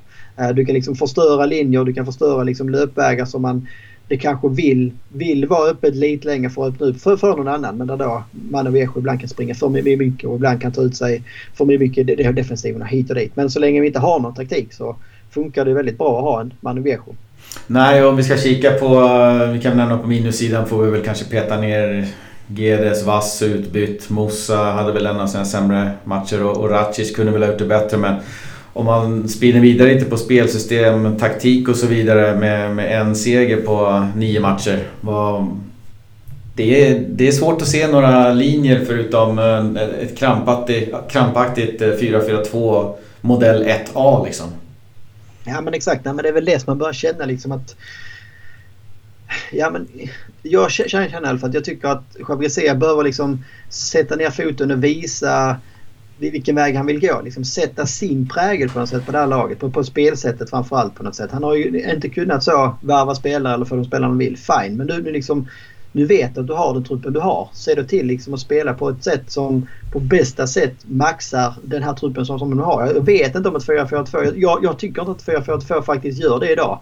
Uh, jag tycker liksom inte att uh, vi har till exempel två, två, två centrala anfallare som är tillräckligt vassa för att liksom starta på något sätt. Utan spela då ett 4-3-3, 4-2-3-1, 4-5-1, kalla det vad du vill. Liksom, där du har en tydlig maxi på topp och där du kanske då, även om du spelar med en Guedes och Musa på kanterna, men släpp dem liksom lite mer fria i offensiven. I ett 4-4-2 så ligger det ändå mycket defensivt ansvar på dem också hemåt på något sätt. Alltså du ska mm. vara en tydlig tvåvägsspelare och ingen av dem är ju tvåvägsspelare. Alltså båda de två är ju har ju sina styrkor i offensiven. Då, då, då kanske det också gynnar, gynnar dem och jag tror också det skulle gynna liksom en maxi på något sätt att ha två yttrar som mer ligger på rulle uppåt på något sätt. För att man också ska kunna få till de här snabba omställningarna och snabba spelet och eh, komma runt på kanterna och sen hitta in, inspel och inlägg. Och det är där Maxi också ofta är som bäst. Liksom. Både på huvudet och han är stark i kroppen och kunna stöta in de här bollarna. Eh, Eh, Nej, det är väl lite så att han försöker sätta någon så här grunddefensiv, uh, vilket ju har lyckats några matcher här på slutet med, med någon hållen nolla så Men, men det här omställningsspelet eller den här frejdigheten framåt, den har ju verkligen lyst med sin frånvaro. Och när du inte har några Alltså du har inte den kvaliteten kanske som vi hade förut med, med Parejo i sina bästa stunder. Och, så att kunna lirka upp mot ett stillastående Eh, så blir det att man får luta sig mot de här fasta situationerna som har varit en stöttepelare i Valencias offensiv. Ja. Och det är bra, det finns ju skicklighet i att sätta fasta situationer men det känns nästan som att det är det enda. Ja och det känns nästan som att det är en liten alltså också tur och tillfällighet på något mm. sätt att det har blivit så. Att man har blivit så beroende av dem. Eh, och det är det jag också menar med att man behöver kanske välja på något sätt. Alltså antingen så får man så tydligt säga att nej men vi är i den sitsen vi är. Vi är på under halvan hit och dit. Nu behöver vi fokusera stenhårt på defensiv. Vi behöver liksom så Fine, ibland kanske det kommer bli någon 0-0 match, ibland kanske det kommer bli en 1-0 förlust. Men det är liksom ett medvetet val. Att vi, vi liksom väljer att prioritera att liksom täppa till bakåt och så vi liksom hoppas att vi skapar tillräckligt framåt för att kunna vinna matchen. Eller så får, får, får man då precis säga tvärtom att nej men fan vi har så mycket, mycket offensivt eh, kraft i laget, eller tillräckligt i alla fall, att vi måste våga släppa på mer framåt. Eh, och då, då får vi så riska att vi ibland kommer att släppa in två mål bara bakåt kanske. Men vi får då lita på att våra offensiva spelare kommer att göra två, tre mål framåt. Mm. Jag tycker att man liksom så, man famlar från match till match, från halvlek till halvlek, fram och tillbaka med, med vad, det, liksom, vad det är man vill. Eh, mm. det finns ingen tydlighet i det. Jag tycker liksom så, framförallt i offensiven finns det liksom inget jag, jag, jag ser inga linjer eller någon tydlighet alls. Så det är liksom, kollar man på statistiken också så har vi gjort 19 mål. 10 av dem har kommit på fasta, alltså hörnor, frisparkar eller straffar. Och det, jag tror inte... Det hade varit superfint om det varit så här medvetet så att Amichau Garcia har verkligen gnuggat fasta liksom att det börjar ge resultat. Jag, jag, jag, tror inte det för det är heller ingen som pratar om det. Uh, och jag tycker också att vi har ändå spelare för att vi skulle kunna ha ett tydligare offensivt tänk på något sätt. Det ska mm. liksom inte vara så uh, individuellt beroende på att Musa gör en jäkla löpning eller Guedes gör en jäkla löpning och sen så är det det som leder till, ett mål. Utan bestäm dig hur du vill spela på något sätt. Uh, och sen så våga, våga ge det tid. Det känns liksom så. Det, det är väldigt tryggt för han att komma in och fortsätta köra ett 4-4-2 för då ja, blir i alla fall mindre ifrågasatt då. För det är mer ett spelsystem som man bara tar över på något sätt. Mm. Det finns ingen som ifrågasätter hans prägel men nu nu behöver liksom Garcia kliva fram. Nu, nu, nu behöver liksom ledaregenskaperna och, och liksom hans taktisk, kunnande. Det, det behöver liksom komma fram nu. Det är liksom det är hög tid. Ja, han måste liksom hitta något trolleritrix och någonting som man liksom, några drag som man säger att ah, men nu, nu börjar det hända någonting och, och nu har vi liksom skapat väldigt mycket chanser i den här matchen eller någonting. Men det, det, det känns krampaktigt och, och, osäkert både framåt och bakåt. Ja, ja och det har också varit det här som vi liksom också inte fått fingret på innan.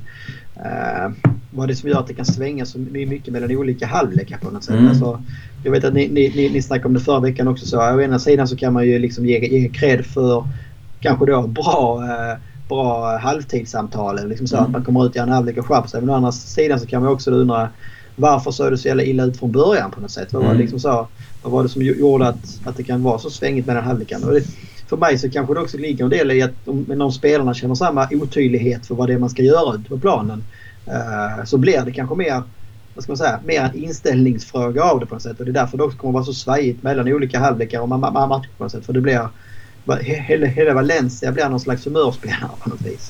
Klassiska Sverige-Tyskland 4-4 med Hamrén där man EM-kom i stort sett hyllade insatsen i andra när man kom ikapp. Vilket ju såklart var beundransvärt men, men det var ju katastrofal laguttagning och taktik och allting i första.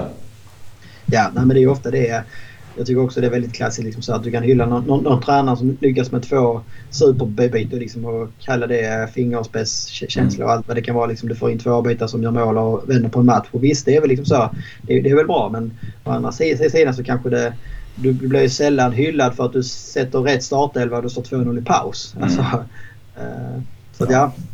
ja. Det var en speciell, uh, speciell match. Vi, vi tar väl den poängen vi fick till slut men det, det hade ju suttit bra med tre och, och speciellt när den fanns inom räckhåll. Ja, nej, det kändes liksom också som vi sagt innan, kollar man på spelschemat framför oss här. Eh, kommer liksom då från från tre ligomgångar där vi mötte Alaves, eh, Atletico Madrid kan man kanske säga fint ta att det inte blir någon poäng. Men vi mötte Alaves och Eibar och har inte lyckats besegra någon av dem. Eh, nu hade vi liksom ett Bilbao hemma och sen vet vi att nu väntar Barca borta, Sevilla hemma. Det är två ganska tuffa matcher framförallt liksom för årets Valencia. Det hade varit ganska skönt att eh, gå in med dem med tre poäng och vara lite högre upp i tabellen på något sätt. Nu känns det som, ja blir det 0-0-0 poäng här så ja, då, då kan det brinna på riktigt på många, många ja. ställen. Både i tabellen och i klubbhus, höll jag på att säga. Ja, precis. På, på kansliet där. Ja. Eh, det var den matchen. Om vi tittar lite framåt då så har vi först en match mot eh, Terrassa FC från Terceran eh, imorgon onsdag som vi inte tänkte beröra så mycket mer än att eh, Gracia förväntar sig ställa upp med ett eh, lite B-lag då. Eh, ja. Vi pratade lite snabbt om varför han skulle behöva rotera när han inte har några Champions League-matcher eller någonting. Men, men, men fine, jag köper det. Eh, det finns andra som kan få visa upp sig och sådär. Den spelar på, spelas på konstgräs.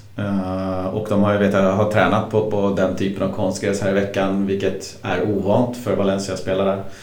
Och sen var det någon regel på minst sju spelare va? Från A-truppen. Ja, jag fick för mig att, eller jag tror inte det har varit sån regel innan. Men att det är väl för att man inte ska skicka helt så här.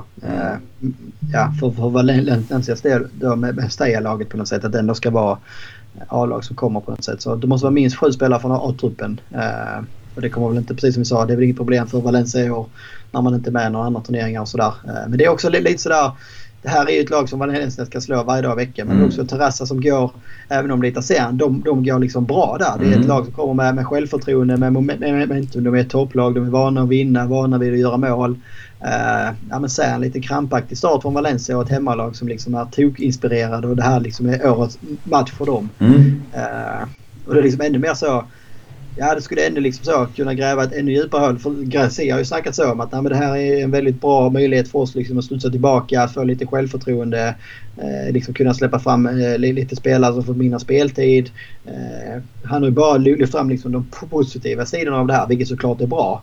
Eh, men slår det bara bakut så kan det, kan det bli riktigt jobbigt på något sätt. Ja, det har ju varit så att eh, de här första omgångarna i, i koppan har visat sig för, för, nästan alla lag vara väldigt svåra att bara köra över något motstånd. Är, någon gång så vinner Atleti liksom mot någon svängklubb med, med 5-1 och kan defilera men ganska ofta så är det krampaktiga historier med, med uddamålssegrar och sådär. Så att, uh, Ja, det går inte att räkna hem den här på förhand tycker jag. Nej, och nu också med det nya upplägget, liksom att det är enkelmöte. Vilket jag för övrigt gillar mm. väldigt mycket. Men det gör ju också liksom att du, du har liksom ingen, ingen andra chansen att kunna Nej. vända det på hemmaplan. Utan uh, har du en dålig kväll och det liksom går åt helvete, ja men då gäller det ändå liksom att knyta näven och plocka fram någonting annat. för att uh, Valencia ska ju inte åka ut här. Alltså det är, nej, det är bara, bara, bara, så. Det är liksom ännu mindre en sån här säsong där eh, nej, men Koppan kanske också kan bli det lilla liksom, ljuset i mörkret både för spelare, för fans och för tränare och alla. Liksom, om vi skulle kunna få en bra stint där och känna att vi ändå liksom är med och krigar där. Eh, som vi snackat om innan, Valencia skulle kunna vara ett plåg jag kanske. Eh, man har ändå den kapaciteten och alla friska att man, ska, att, att, att man kan gå in och göra enskilt liksom individuella matcher väldigt bra mot vilket lag, lag som helst egentligen. Eh, mm. Så därför hade det varit kul att se hur långt Valencia skulle kunna ta, ta sig i Copan i år. Ja, verkligen. Den matchen får man nog leta djupt i kanalkatalogen för att hitta. Den går på D-A-Z-N, DAZN. Eh, så man får kolla om man hittar någon eh, stream på nätet eller om man har någon IPTV eller något sånt där så dyker den säkert upp där. Eh, jag hade tänkt att slänga ett öga på den i alla fall. Och eh, någonting som nog de flesta tänkte se är ju lördagens match istället då. Barcelona borta. Lördag 16.15. Eh, härlig tid. Eh, Valencia ställs ju mot ett tufft motstånd. Även om det är ett Barcelona på dekis måste man väl ändå säga. Eh, det är ett Barcelona som inte riktigt känns som de bryr sig och ett Barcelona som är i någon sorts spökfas mellan eh, presidenter och, och i någon typ av maktkamp. Det var ju en fin banner Laporte fick upp i Madrid här idag. Ja. och sen så, så är de väl tyngda av Komans metoder och, och utspel och, och, hankar sig fram ganska långt ifrån eh, vad, vad laget är kap, kapabla till att prestera. Ja, det är väl det som liksom så.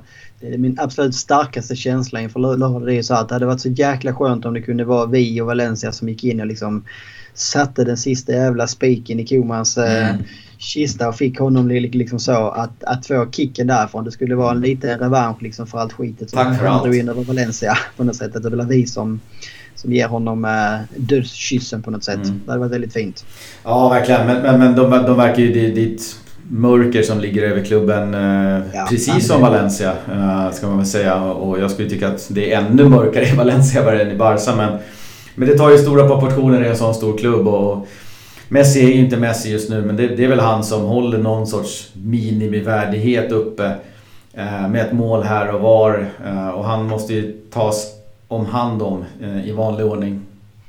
Ja, det är väl det som blir intressant. Liksom som jag sa, om vi knyter ihop säcken där vi börjar. Eh, Messi brukar utgå utifrån höger eh, och vi har liksom uppenbara problem på vår vänsterback.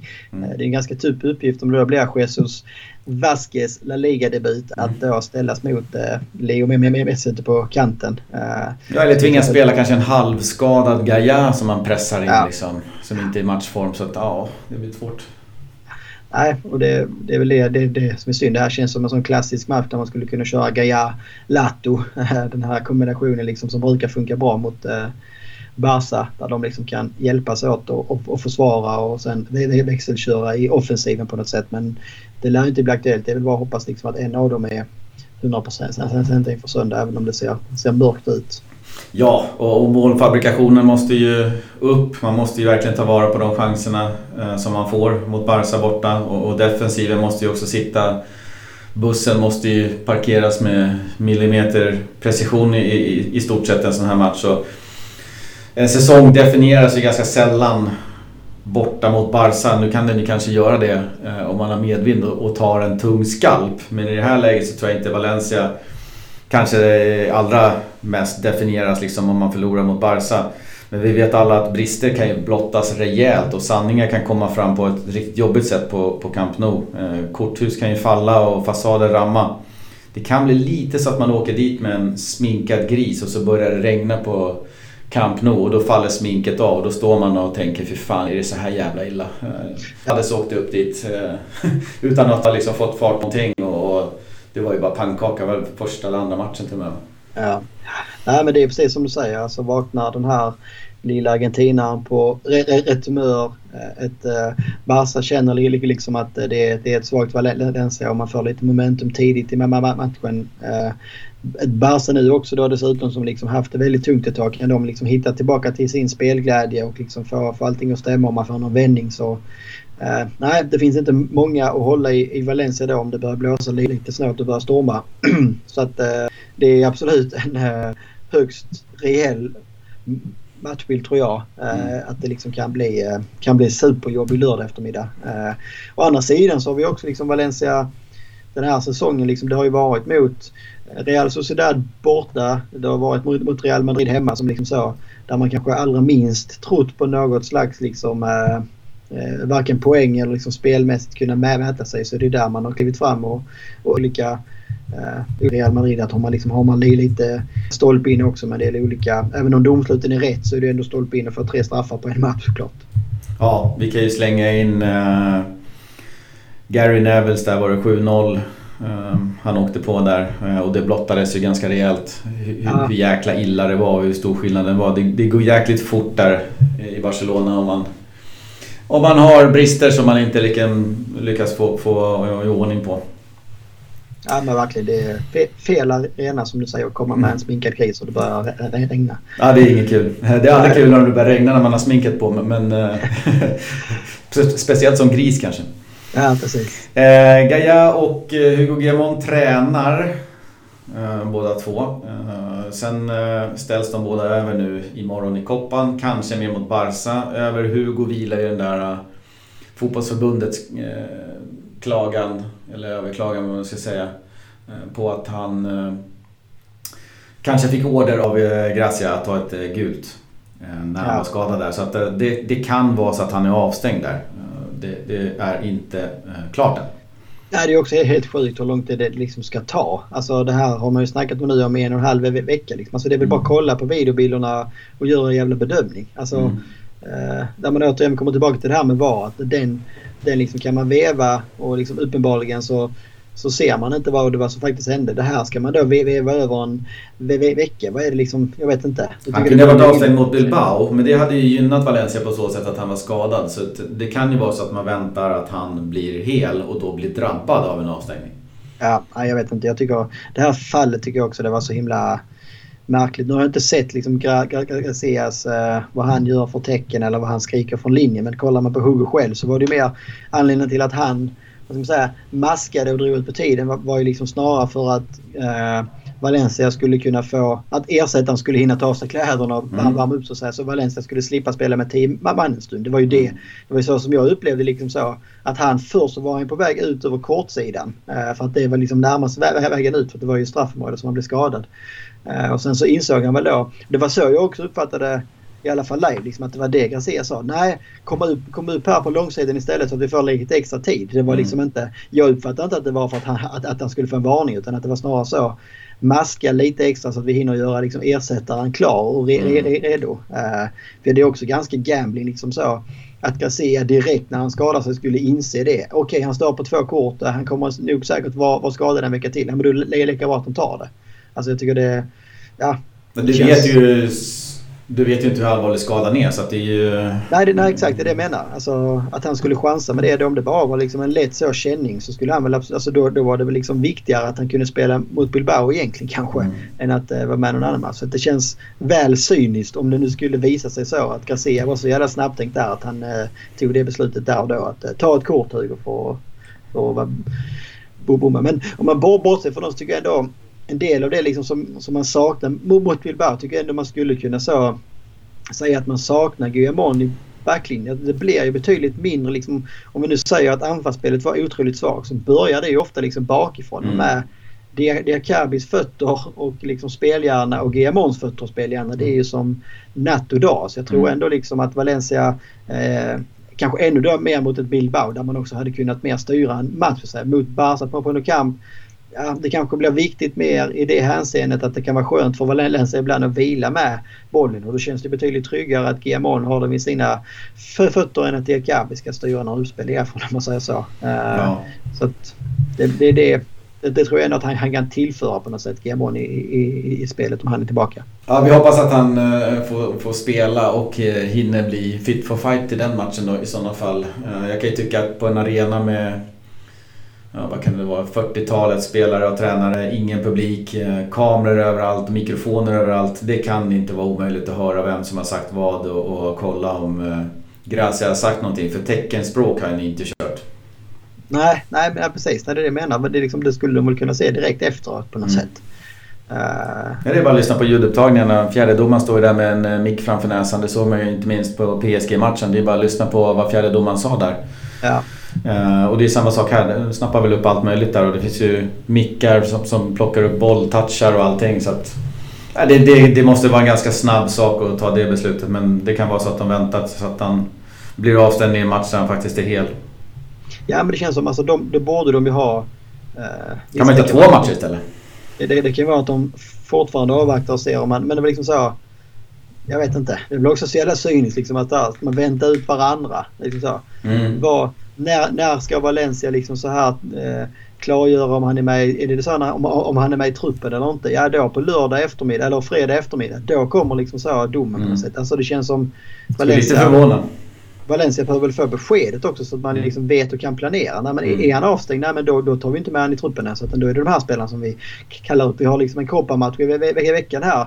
Jag kan få inte Hugo spela på lördag så kanske han skulle spela till imorgon för att liksom få lite matchträning igen. Så jag tycker det är, ja, det är väl liksom återigen spanska förbundet och spanska sättet ibland som man kan bli lite frustrerad över på något sätt. Antingen så gör man, gjorde de ju fel Valencia mm. och då är det väl bara att säga att det blir en avstängning till. Uh, Ja, och det måste ju vara jättesnabbt att kunna ta fram det. Ja. Uh, vi har ju Maxi och Gamiro med små skavanker då enligt dagens presskonferens inför Terrassa-matchen då. Kangeli tränar med laget igen eh, efter eh, coronan. Eh, och vad kan vi säga om Kangin då? Ja men det är ju också lite så om man nu liksom pratat innan om att vi saknar linjer och saknar liksom någon tydlighet i offensiven så det är också frågan. Sen så det kan man också säga att Kangin har ju inte visat supermycket heller under hösten kanske. Det har varit mycket upp och ner och sådär. Eh, men det kanske också är en spelare som man liksom skulle våga chansa mer på. Jag vet inte. Mm. Jag såg någon statistik här. Han har varit två år i Valencias A-trupp nu. 23 eh, månader. Eh, och han har spelat 90 minuter två gånger bara. Mm. Så att det liksom... Den här säsongen som Valencia är i år så behöver man ju också eh, vad ska man säga, behöver chansa på rätt spelare. Alltså så här, fortsätta chansa med, eller liksom, ja, det, det kanske går emot det, det jag sa innan, men liksom jämför med Mano Viejo. Det går ganska fort ändå att liksom se vad, vad, liksom så, vad är maxkapaciteten som vi kan få ut av honom? Ja, men jag tror han är ganska nära den, den nu på något sätt. Sen kan han säkert liksom höja lägstanivån och han kanske gör några fler mål hit och dit. Men Kangili finns det ju ändå någonting i på något sätt. Mm. Precis som liksom så här med Musa som liksom har fått mycket chanser på högerkanten. Eh, eh, och även om han liksom är upp och ner i matcher ibland och utbytt tidigt och sådär. Men, eh, och det, det kommer tillbaka till det här med, med, med Garcia och spelsystemet. Att, men, det är inte bara för Kangins del så att säga. Det är få spelare som liksom så vad ska man säga, är optimerade för ett 4-4-2. Mm. Backlinjen i sig kommer vara skitsamma om vi liksom bara använder spelsystem. Det, det är offensivt på något sätt som jag tycker man behöver göra någonting. Och hitta då på något sätt. Ja, men jag, jag skulle gärna ha ett 4-3-3 med liksom en offensiv eller en, eh, en triangel på inomhittfältet där du kanske har Rakic och, och, och Soler och sen har du Kangin mer än den här liksom lite fria rollen. 4-2-3-1 kanske är ännu mer lämpligt. Uh, du kan ha liksom Guedes, Kankangin och Yunus och sen så har du Maxi längst, längst fram. Alltså, de fyra känns ju ganska så spännande om man kan få det att flyga på något sätt. Och det, mm det är lite så som jag menar att man behöver, man behöver, man behöver, man behöver prova, man behöver chansa om man ska kunna få igen offensiven. Sen så kan du ha en Vallejo och liksom spela i rätt matcher och ha liksom som en superenergisk inhoppare på, på, på, på något sätt. Men det kan inte, det kan inte den spelaren som du ska liksom bygga offensiven omkring på något vis. Nej, verkligen inte. Och jag kan tycka också att om man nu ska tappa Kangin Lee, eh, om det nu finns en risk för det, i vinter eller nästa sommar, om han nu är på väg bort eller hur det, det snackas ju om det lite grann. Då, då, känns det lite grann som att man tappar honom utan att man har gett honom chansen. Han, ja. eh, alltså chansen är ju inte fullbordad för att han får en plats i A-truppen och tränar med A-laget och får hoppa in här och var. Han, han liksom lallat runt på, på en anfallsplats och lite på högerkanten. Eh, han har inte fått spela på den rollen som han vill och att då tappa den talangen någon annanstans känns ju jäkligt bittert när man inte får se vad tygen håller för riktigt. Ja, nej, men det är väl det, det liksom som känns. För det har ju pratat om Kangeli i många år nu. Och jag tror väl många av oss hade ju ändå trott att den här säsongen med allting som hände i truppen hit och dit så var ju Kangeli en av de som skulle, liksom skulle verkligen få chansen och kunna liksom så. Nej men i år blir det liksom make or break på något sätt. Alltså mm. är, är han den talangen, den spelaren, kan han ta det här liksom sista steget från att vara en väldigt, väldigt talangfull junior till att kunna leverera på seniornivå. Kan han liksom göra det då i kanske då, ja tuffast möjliga miljö som det är i Valencia just nu. Både runt omkring och, liksom i miljön på planen på något sätt. Mm. Men han har inte riktigt, alltså jag kan heller också känna, han har inte fått en ärlig chans kanske. Alltså, och han har spelat lite så han ska ju inte spela inom mitt fältare i ett 4-4-2. Han kanske inte heller riktigt ska spela ytter i ett 4-4-2. Han kanske inte heller ska liksom spela anfallare i ett 4-4-2. Det är ju som vi sagt innan, det finns ju ingen... Jag ser liksom ingen optimal position i ett 4-4-2 för Kangeli på något sätt. Så därför kan man säga visst att han har fått spela hit och dit men han har aldrig fått spela liksom så eh, fått en roll där du verkligen, verkligen skulle kunna se vad, vad, vad han skulle kunna bidra med för Valencia. För mm. här behöver du liksom frigöra någon roll och det, det kanske bara är så enkelt att säga om du nu liksom är himla kär i ditt 4-4-2, när man sätter honom som anfallare men verkligen ger honom en fri roll. Alltså säg du, mm. du, du ska inte ligga uppe med Maxi. Du, du, du ska inte ta liksom Eh, pressspelet som, som Vallejo gör e kanske. Utan du, vi vill att du liksom ska hitta den här länken mellan innermittfältet och anfallsspelet. Eh, och se vad du, vad du kan göra där på ett sätt. Ge henne ett par omgångar där och se, mm. se, se hur det flyger. Även Marcelino gjorde ju samma analys eh, i sitt 4-4-2 egentligen. Att det liksom inte riktigt fanns en plats för Kangeli någonstans där. Eh, och han var väl ett till två år yngre då kan man väl nästan säga. Eh, och lite mer oerfaren än vad han är nu. Men samtidigt så känns det som att...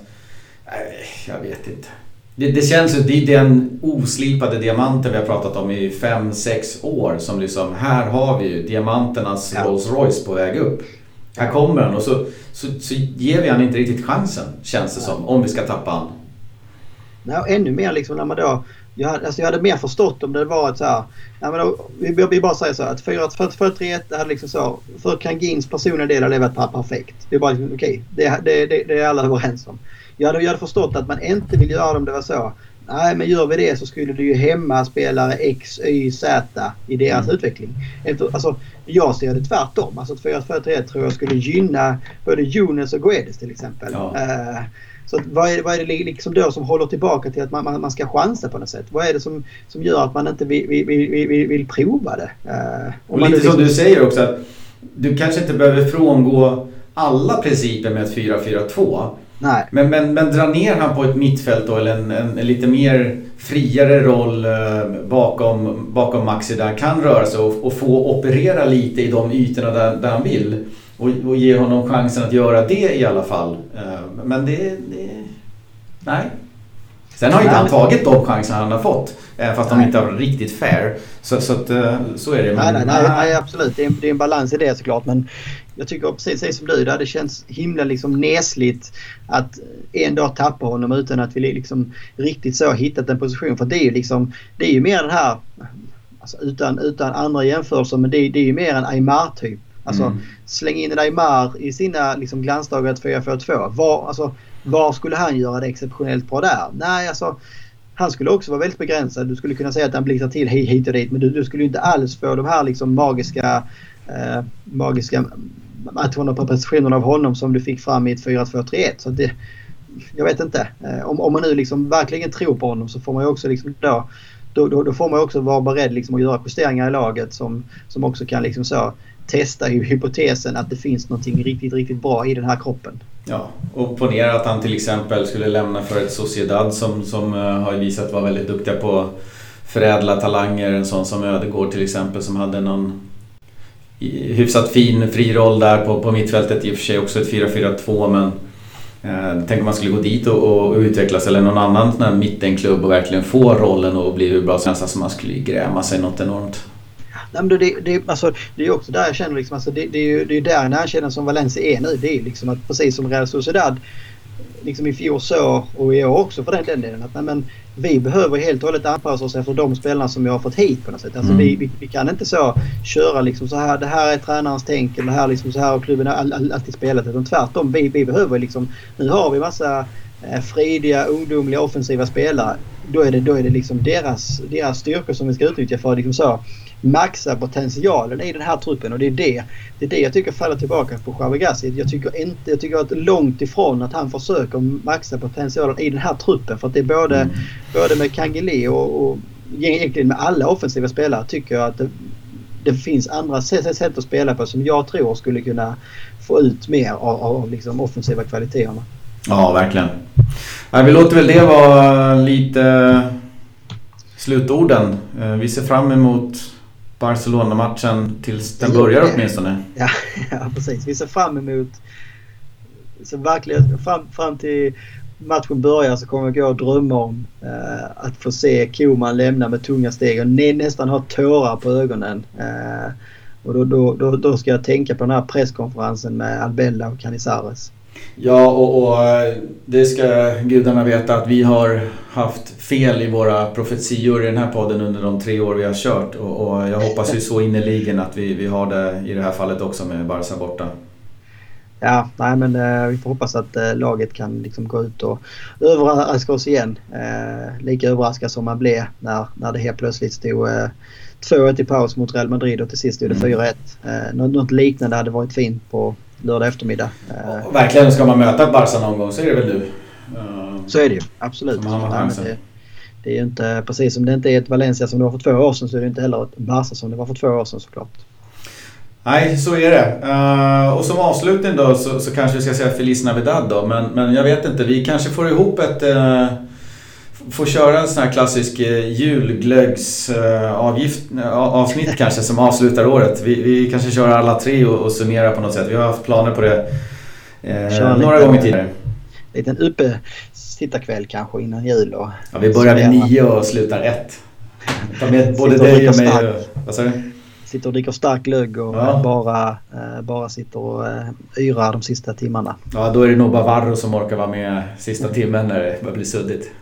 Och ta fram en sån här bingobricka som är pop, pop, poppis nu liksom. Eh, med olika såna här saker som, eh, som händer under sändningen. Så att när man har en bingorad där så har man vunnit. Ja, exakt. Alltså vi får se, vi, vi försöker rodda ihop det och vi kanske har en gäst också. Eh, får vi till den gästen så går ju den före. Och då kommer ett avsnitt garanterat. Så att, det finns mycket att hålla koll på. Vi är enormt tacksamma för er som har orkat hänga med de här... Ja, det är 1.40 nu. Eh, det har varit ett långt avsnitt. Med oss och så ser vi fram emot att få höra eller ha med er nästa avsnitt också. Oavsett om det blir ett julavsnitt eller ett gästavsnitt eller ett sedvanligt eh, början på året avsnitt och vecka ett eller två där. Ja, eller om det blir ett rent Koman-avsnitt. Ja, rent Koman-avsnitt får det väl bli.